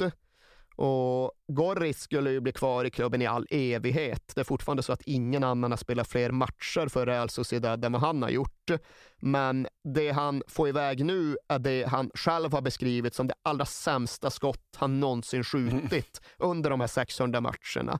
Men samtidigt också den allra bästa passningen han slagit under de här 600 matcherna. För det blir ju en felträff. En felträff som inte ens är i närheten av att gå fram till mål, men som lurar hela Sportingförsvaret och istället når då Jesus Maria Zamora vid straffpunkten. Och Goritz, han, fan, inte Laudrup, inte Xavi, ingen hade slagit den där passningen bättre. För i ett läge när Sporting har hela laget hemma, de har ju liksom 11 spelare som de försvarar med, så krävs det ju något sånt för att öppna upp laget. Det går inte att göra en ortodox passning. Det går inte att göra något som går att läsa, för då kommer Sporting ha fyra killar som täcker. Men den här felträffen, den går inte att läsa och den lurar ju alla. Och den går av en slump fram till en blåvit spelare snarare än någon annan. Och nu är det ju bara sekunder på matchuret. Jesus Maria Zamora, han tänker inte, han tittar inte, han funderar inte. Han slår bara till bollen så hårt som han någonsin kan. Och målvakten har ett ben på den, håller på att styra den bort och över. Men lyckas inte.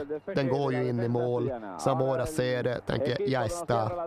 Det räcker. Alonso, centro Alonso, salta Satrustegui, despeje de puños del portero, atención, ¡Gol de la Real Sociedad! ¡Gol de la Real Sociedad! Un gol que puede equivaler un título de liga, señoras y señores. Gol de la Real Sociedad. Observen ustedes, observen ustedes la euforia. Vean ustedes cómo tras el disparo de Zamora que se ha colado en el fondo de las mallas, no han podido contenerse los jugadores reservas, el banquillo de la Real, cómo es un momento indescriptible. Vamos a dejar de hablar porque las imágenes aquí sí que valen, no por mil, sino por un millón de palabras, señoras y señores. Indescriptible el ambiente que se vive en el Molinón por parte de toda la embajada vasca cuando la Real Sociedad ha equilibrado el marcador, estableciendo el empate a dos que puede suponer, vamos a ver si se resiste unos segundos, la victoria liguera. Och eftersom att det hade varit sånt jävla oväder när man tittar på bilderna från den här matchen, då är det ju oerhört många paraplyer på läktarna under hela andra halvlek. Nu ser man måljublet, det är inte ett jävla paraply. Nej. Jag vet inte vart de har tagit vägen, men det är ju folk som klättrar på räcken, det är folk som ska ut på planen, det är ju folk som inser att miraklet har faktiskt skett. Real Sociedad har gjort målet som de inte verkade klara av att göra. De har vunnit titeln som de tycktes vara på väg att vinna, men verkade vara på väg att kasta bort ännu en gång. Ett mål som slets upp ur leran på Molinon, som de själva beskriver det. Och det är SLU. Alltså, de blåser visserligen till spel igen och de hinner tänka, fan måste vi försvara detta nu? Men det går 11 sekunder, sen blåser domarna av matchen. Och ja, en av de mest otroliga titeltriumfer som överhuvudtaget har hämtats hem har vunnits. För det tål återigen upprepas det här om att ja, det här var ju inte ett proffslag som var skapat på ett sätt som deras konkurrenter var skapat. Det var inte så att det var spelare med olika bakgrunder från olika delar av världen som hade värvat samman för att vinna titlar, utan det var ju ett kompisgäng från kvarteret som hade vuxit upp tillsammans och som uppfattade det som att de spelade för en större sak. De spelade för sitt folk som vann en titel som de rimligtvis inte borde kunna ta vinna. Och jag vet inte ifall det var ett officiellt dekret att folk hade fått ledigt den här dagen i regionen, men det var ju inte en människa som jobbade den här torsdagen. Det var nog inte många som jobbade fredagen heller, Nej. för det var verkligen så att alla var ute. Jag tror jag bor så tre kvarts miljon i Gipuzkoa. Mm. Gipuzkoa. Alla var ute. Alla var ute. Och spelarna säger att ja, visst, det var ju kul att vinna den där matchen och göra det där målet, slutminuten fyra i Gijon, paraplyerna flyger. Ingenting mot liksom, upplevelsen av firandet. När de tänker tillbaka på allt som hände så är det inte matcherna och målet. Det är den där grejen, den där dagen som verkligen får dem att känna. Och det de känner, det är ju just den här ganska svårformulerade och för den delen svårslagna känslan av att ja, det här gjorde vi alla. Stad, region, Baskien tillsammans. Inte vårt mål, vår titel.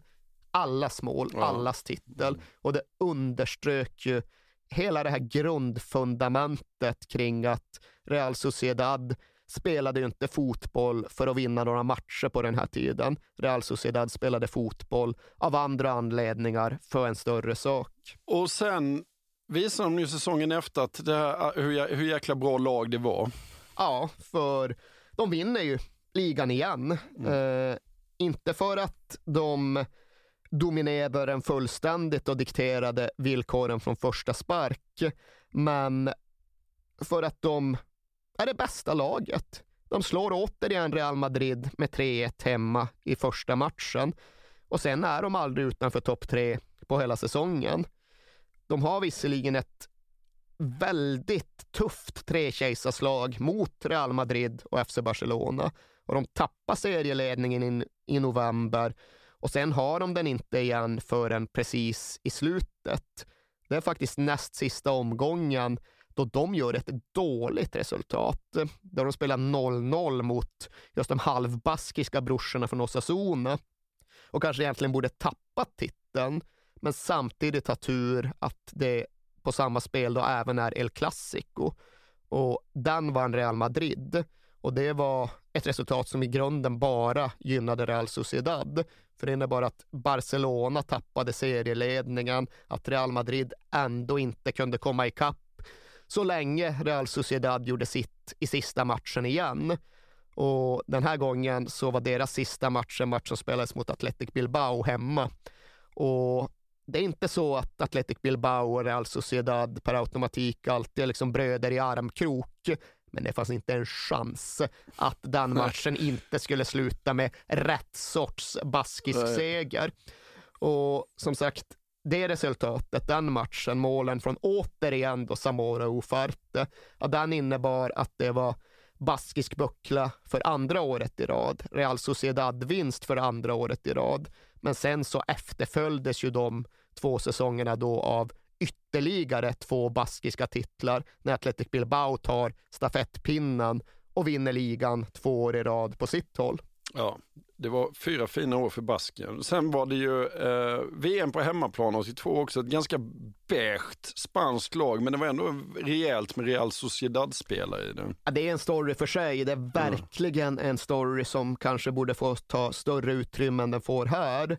Men vi kan ju ändå bara passa på att snabbspola den ur Real Sociedad-perspektiv. För det var ju rätt bisarrt. Redan i omklädningsrummet efter matchen mot Athletic Bilbao, alltså matchen som gav dem titeln, så kom det fram representanter från inrikesministeriet och från den nationella spanska polisen och tog Real Sociedads VM-spelare åt sidan och sa att från och med den här stunden så kommer ni ha livvaktsskydd 24-7.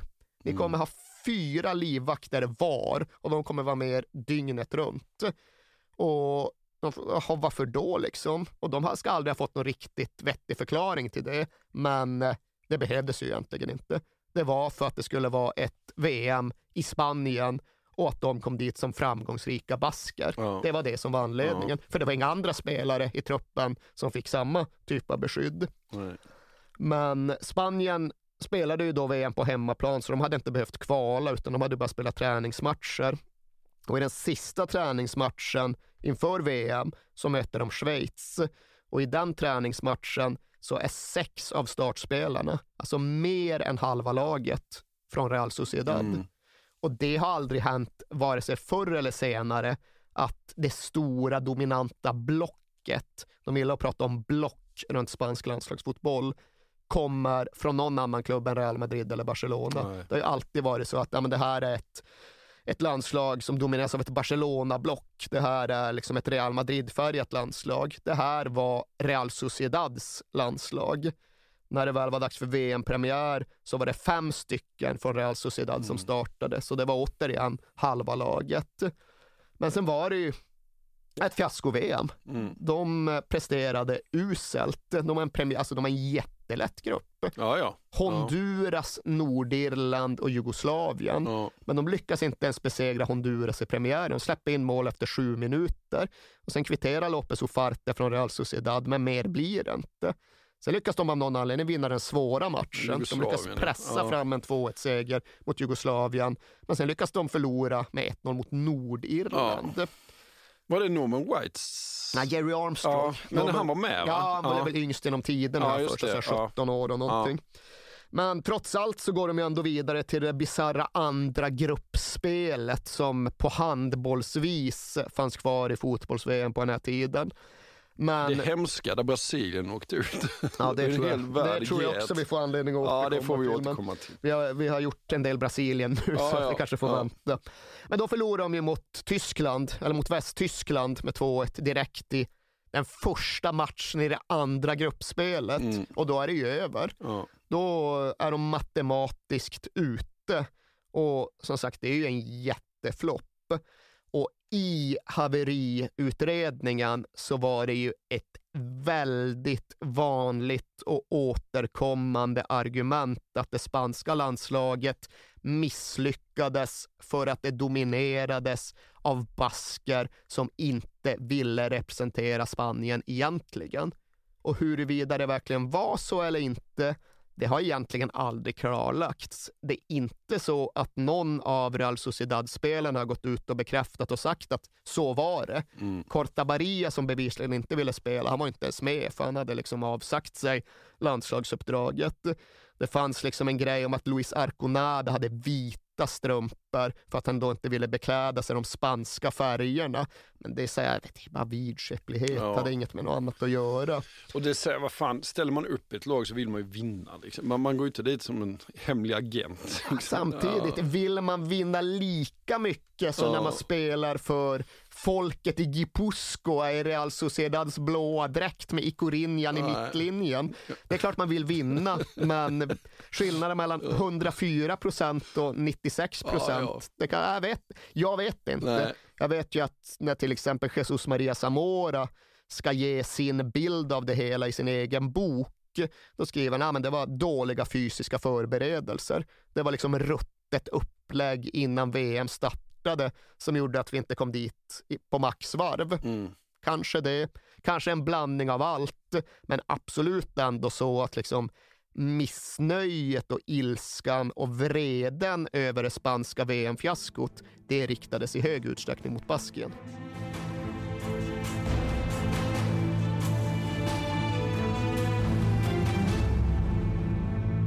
Om vi snabbt tar säsongen 82-83 innan vi går vidare då. Det är egentligen bara en sak jag vill ha med därifrån och det var ju faktumet att Real Sociedad hade kunnat erövra hela Europa under den säsongen. För de hade gått rätt dåligt i Europa Europa sett till sin slagstyrka hela tiden. Men den här säsongen föll grejerna på plats. Och de nådde ju Europacup-semi, motsvarigheten till dagens Champions League-semi, där de ställdes mot våra gamla polare från HSV, just Hamburger. Sportverein. 1-1 på Atocha. 1-1 även i returen på Folkparkstadion tills det återstår sådär 10 minuter. Då gör Hamburg 2-1 efter att en andra boll har rikoschettstudsat fram till en frispelare efter en hörna. Och Real Sociedad, inte bara spelare utan klubben, institutionen Real Sociedad hävdar ju än idag att det är det största justitiemord som någonsin har gjorts. Vi är vana mot att vi att Real Madrid alltid och allt med sig, men det här var värre. För det som hade hänt, det var att det schweiziska domarteamet hade drabbats av ett bortfall under den första halvleken. En av linjedomarna, en av de assisterande domarna, blev skadad och tvingades bryta. Och på den här tiden fanns det liksom ingen beredskap för sånt, så reservdomaren var en lokal snubbe från Hamburg. De skickade in en Hamburggubbe på linjen i andra halvlek och det är då han som friar det här som Real Sociedad hävdar är en jätteoffside. Sen är, jag, jag har försökt kolla på de bilderna. Det är Ja. inte lätt alltså för de jag har hittat från den matchen. Det är så dålig bildkvalitet så du ser bollen ser du definitivt inte. Du ser knappt spelarna. Nej. Och ur de bilderna lyckas jag inte utröna något annat än en tveksam situation som går jävligt fort. Du ser inget justitiemord liksom? Inte på de extremt dimmiga bilderna ur dålig vinkel. Men som sagt, det är ju inte, det är inte VAR-kamerorna jag haft hjälp här. Och det är fullt möjligt att man uppfattar det helt annorlunda ifall man är i straffområdet. Men nej, jag uppfattar inget justitiemord, men Real Sociedad uppfattar ett Ja. sådant. De hävdar än idag de borde ha vunnit Europacupen också, eller de borde i alla fall ha fått spela final mot Juventus. Ja. För Hamburg var de på väg att besegra. Och den här säsongen hade de eh, samma lag som tidigare? Ja, I stort sett, för det var ju också något av det unika med den här Real Sociedad-upplagan, att den höll ju ihop. Den bröts i stort sett aldrig upp, för spelarna ville inte flytta. Det var inte så att det saknades intresse.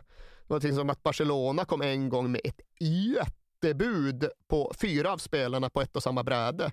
Vi vill ha Arconada, Zamora, Lopez Ufarte och Satrostegui och vi betalar så mycket pengar så att ja, ni kan eh, inte bara bygga en ny arena utan ni kan renovera hela Donostia för den här Mm. övergångssumman. Och klubbledningen var ju så att ja, vi ska ju snart bygga en ny arena så vi måste nog. Och spelar så, nej, vi vill inte flytta. Nej. Vi vill spela för Real Sociedad. Det finns inte idag du. Det finns inte Nej. idag, det säger de ju också att visst, det var ju kul att vi vann titlar och det var ju kul att vi var så bra, men det de flesta av de här är allra mest stolta över, det är ju att de aldrig lämnade sin klubb. Nej. För i alla fall halva laget som vann titeln, de spelade ju aldrig någon annanstans. Nej. De gjorde 500 matcher för Real Sociedad och sen la de av. Det här laget som började spela i mitten av 70-talet höll ju ihop ja, men i mer än tio år så var Ja. det i stort sett samma lag. Perico Alonso, han drog tidigt. Han var ju den egentligen som drog, Ja. för han drog till Barcelona. Ja, han spelade med Maradona där ju. Ja. Ja. Sen var det några av de andra som flyttade precis i slutfasen av sina karriärer, gjorde ett eller två år, det sista de gjorde någon annanstans. Men förutom Perico Alonso gav alla, alla sina goda år till Real Sociedad. Mm. Och just det där att, ja, men, kolla på en laguppställning från 1977 och en laguppställning från 1987. De ser nästan exakt likadana Ja. ut. Ja. 13 av de killarna som växte upp i Real Sociedads ungdomsakademi och som sen utgjorde A-lagstruppen blev spanska A-landslagsmän. Med större eller mindre engagemang och intresse så fick de i alla fall göra landskamper för Spanien. Och det var i stort sett allihopa. Hela kullen från akademin vann ligor, blev landslagsmän, spelade kvar i Real Sociedad. Ja. Men i slutet på 80-talet så blir det ny arena och eh, man ändrar även sin policy. Alltså det som då händer är ju att den här generationen blir gammal. Eh, som sagt, några drar och spelar av sina sista år någon annanstans, men de andra ska ju lägga av. De är ju 35 år gamla, så Real Sociedad måste på något sätt ersätta dem. Och den här gången har inte akademin givit lika god frukt. Och det finns demografiska förklaringar till det. Barnafödandet i Baskien sjönk under de turbulenta åren. De hade oerhört, eh, ja, de hade ännu mindre underlag att utgå ifrån och de hade inte fått fram spelare som kunde fasas in och ersätta dem. Så de stod någonstans inför valet att ja, antingen får vi nog ner i andra och kanske till och med tredje divisionen eller så får vi tänka annorlunda. Och det de då beslutade sig för, det var ju att ta in utländska spelare. Och då pratar vi inte om spelare från Spanien. De var någonstans inofficiellt diskvalificerade, utan de började bygga ett lag som bestod av baskar från Gipuzkoa och spelare som kom från vart som helst, bara det inte var Spanien ifrån. John Aldridge, irländaren från Liverpool, det, ja. han blev ju den första som kom. Och det ska väl också in i den ärliga historieskrivningen att det var inte så att San Sebastian ställde sig upp och välkomnade John Aldridge, utan han möttes ju av stor skepsis. Det stod Indios fuera klottrat på arenaväggen när han anlände. anlände. Indianer ut i grund och botten. De, nej, de har några de kallar icke-basker för indianer. Och det ska ju verkligen sägas i ett avsnitt som i någon utsträckning absolut gör sig öppet för anklagelsen att romantisera det baskiska, att precis som all annan nationalism så kan även den baskiska nationalismen slå över i främlingsfientlighet. Och det märkte John Aldridge av och det har uppriktigt sagt rätt många bortaspelare genom åren även fått lov att märka av på Atocha. Men de bytte Atocha till något eh, mycket, mycket sämre känns det som. Ja, ja, ja, ja, ja. Och det var egentligen en större grej i relation till klubbens identitet och klubbens känsla av hem än att de tog in eh, John Aldridge eller Dalian Atkinson eller Kevin Richardson i laget. Det var ju det där att de 1993 eh, rev och begravde sin mytologiserade, hemtrevliga, eh, gemytliga Atocha Arena och istället då skulle ta klivet in i framtiden. Och det går ju så ofta åt helvete fel för fotbollsklubbar för de verkar inte fatta vad framtiden måste inkludera. Den arena de flyttade till, Anoeta, den var ju byggd som en så jättedeppig multiarena. Mm. Ja, där skulle det minsann kunna hållas konserter och friidrottstävlingar. Så där var det löparbanor. Och det innebar ju att det verkligen blev dag och nattskillnaden. Atocha där, ja, som sagt, eh, publiken hade varit inne på planen vid minsta lilla nyck. Eh, istället var liksom 50 meter bort från händelsernas centrum. Och det förändrade hela känslan kring Real Sociedads hemmamatcher. Som sagt, de slutade till och med skjuta upp fyrverkerier när hemmalaget gjorde skandal. mål. Ja. Så det var väl det som verkligen gjorde så att Real Sociedad sjönk ner i en identitetskris under 1990-talet. Det var inte så mycket det där att det kom spelare från andra delar av världen, utan det var mycket mer det att de inte längre hade något hem som de trivdes med. Nej. Om vi ska gå in lite så att senast de var eh, alltså verkligen och nosa på titeln var väl 2002-2003 va? Och då hände det ju mycket. Perikos son. Ja, då Ja. hände det ju mycket. Pericos söner, om Ja, jag får just be. det. Ja. Eh, För det var inte bara Xabi Alonso, det var även Mikkel Alonso som i och för sig är mer av en truppspelare. Eh, Men det är klart att det fanns något väldigt romantiskt i idén om att de skulle vinna ytterligare en titel i direkt kamp mot Real Madrid med då Perico Alonsos son på mitten och med Jesus Maria Zamora som andra tränare. För så var det ju. Och eh, det var en ganska snarlik situation om man jämför med ja, kanske framförallt våren 1980. För Real Sociedad leder ju ligan med bara tre omgångar kvar. Eh, de behöver egentligen bara slå Valencia hemma för att ha ett jätte, jättegrepp om titeln. Ett grepp som de i det läget knappast hade kunnat tappa. Och de leder den matchen med 1-0 hemma efter mål av Xabi Alonso. Men de lyckas tappa den och de lyckas även missa nästa matchboll som var matchen mot Celta Vigo borta. Och det var en tuff match. Det var förmodligen det bästa Celta Vigo-lag som någonsin har funnits. Men Real Sociedad faller då med 3-2 och förlorar initiativet, skänker bort det till Real Madrid som bara behöver vinna i sista omgången och som även gör det. Så det var ju det var ju trist. Det, liksom, Mm. det behöver inte sitta och låtsas vara objektiva och hävda något annat. Det var klart att det var trist att Real Madrids Galacticos lag vann Ja, det det. snarare än Mm. Real Sociedads liksom, återskapande av 80-talseran. Jag vill- bara eh, tillägga här också att Xabi Alonso var då 19 år och lagkapten. Det säger lite om vilken typ av spelare han faktiskt var. Det säger mycket om honom och om hans familj och om deras eh, status och position i och runt klubben som Ja. än idag är intakt. Xabi Alonso är ju tillbaka som ungdomsutbildare i Real Sociedad, kan också gärna sägas. Det ska också konstateras att 2002-2003, mitt uppe i all den här historiskt insvepta baskiska romantiken, även var säsongen då Real Sociedad tog det kanske oundvikliga steget in i 2000-talet. För det var ju då de för första gången hade en spansk spelare i laget. Alltså inte en bask, inte en utlänning. En spansk spelare, en asturier som hette Boris och gjorde 25 matcher. Och det är ju numera en självklarhet att Real Sociedad är en klubb där alla får spela. De har valt en annan väg än Athletic Bilbao och det kan vi väga på olika sätt.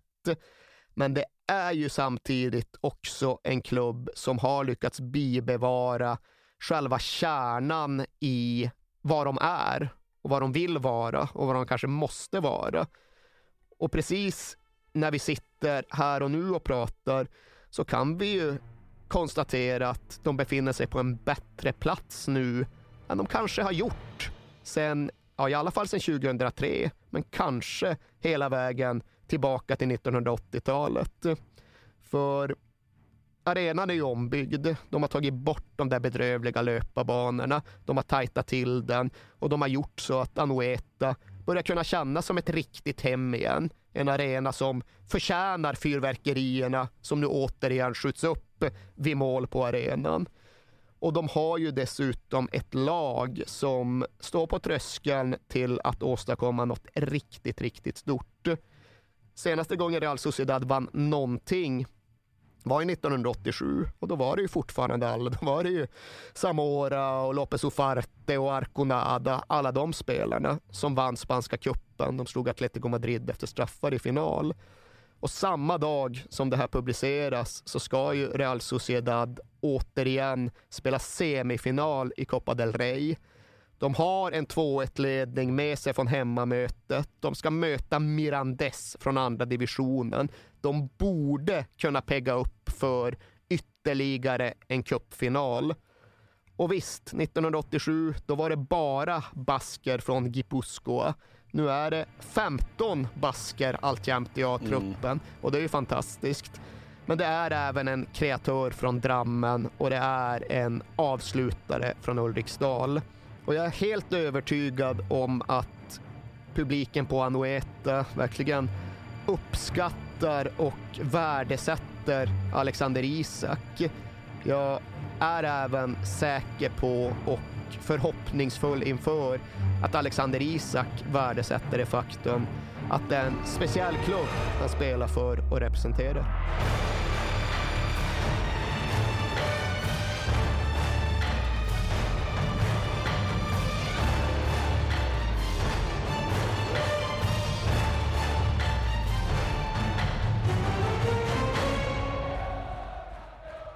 Ni har lyssnat på When We Were Kings om eh, Real Sociedad 1980-81.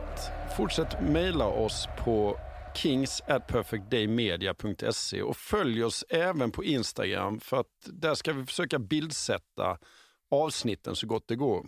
Så hörs vi nästa vecka. Eh, och vilket lag det blir då, det får vi se. Ha det så bra. Hej!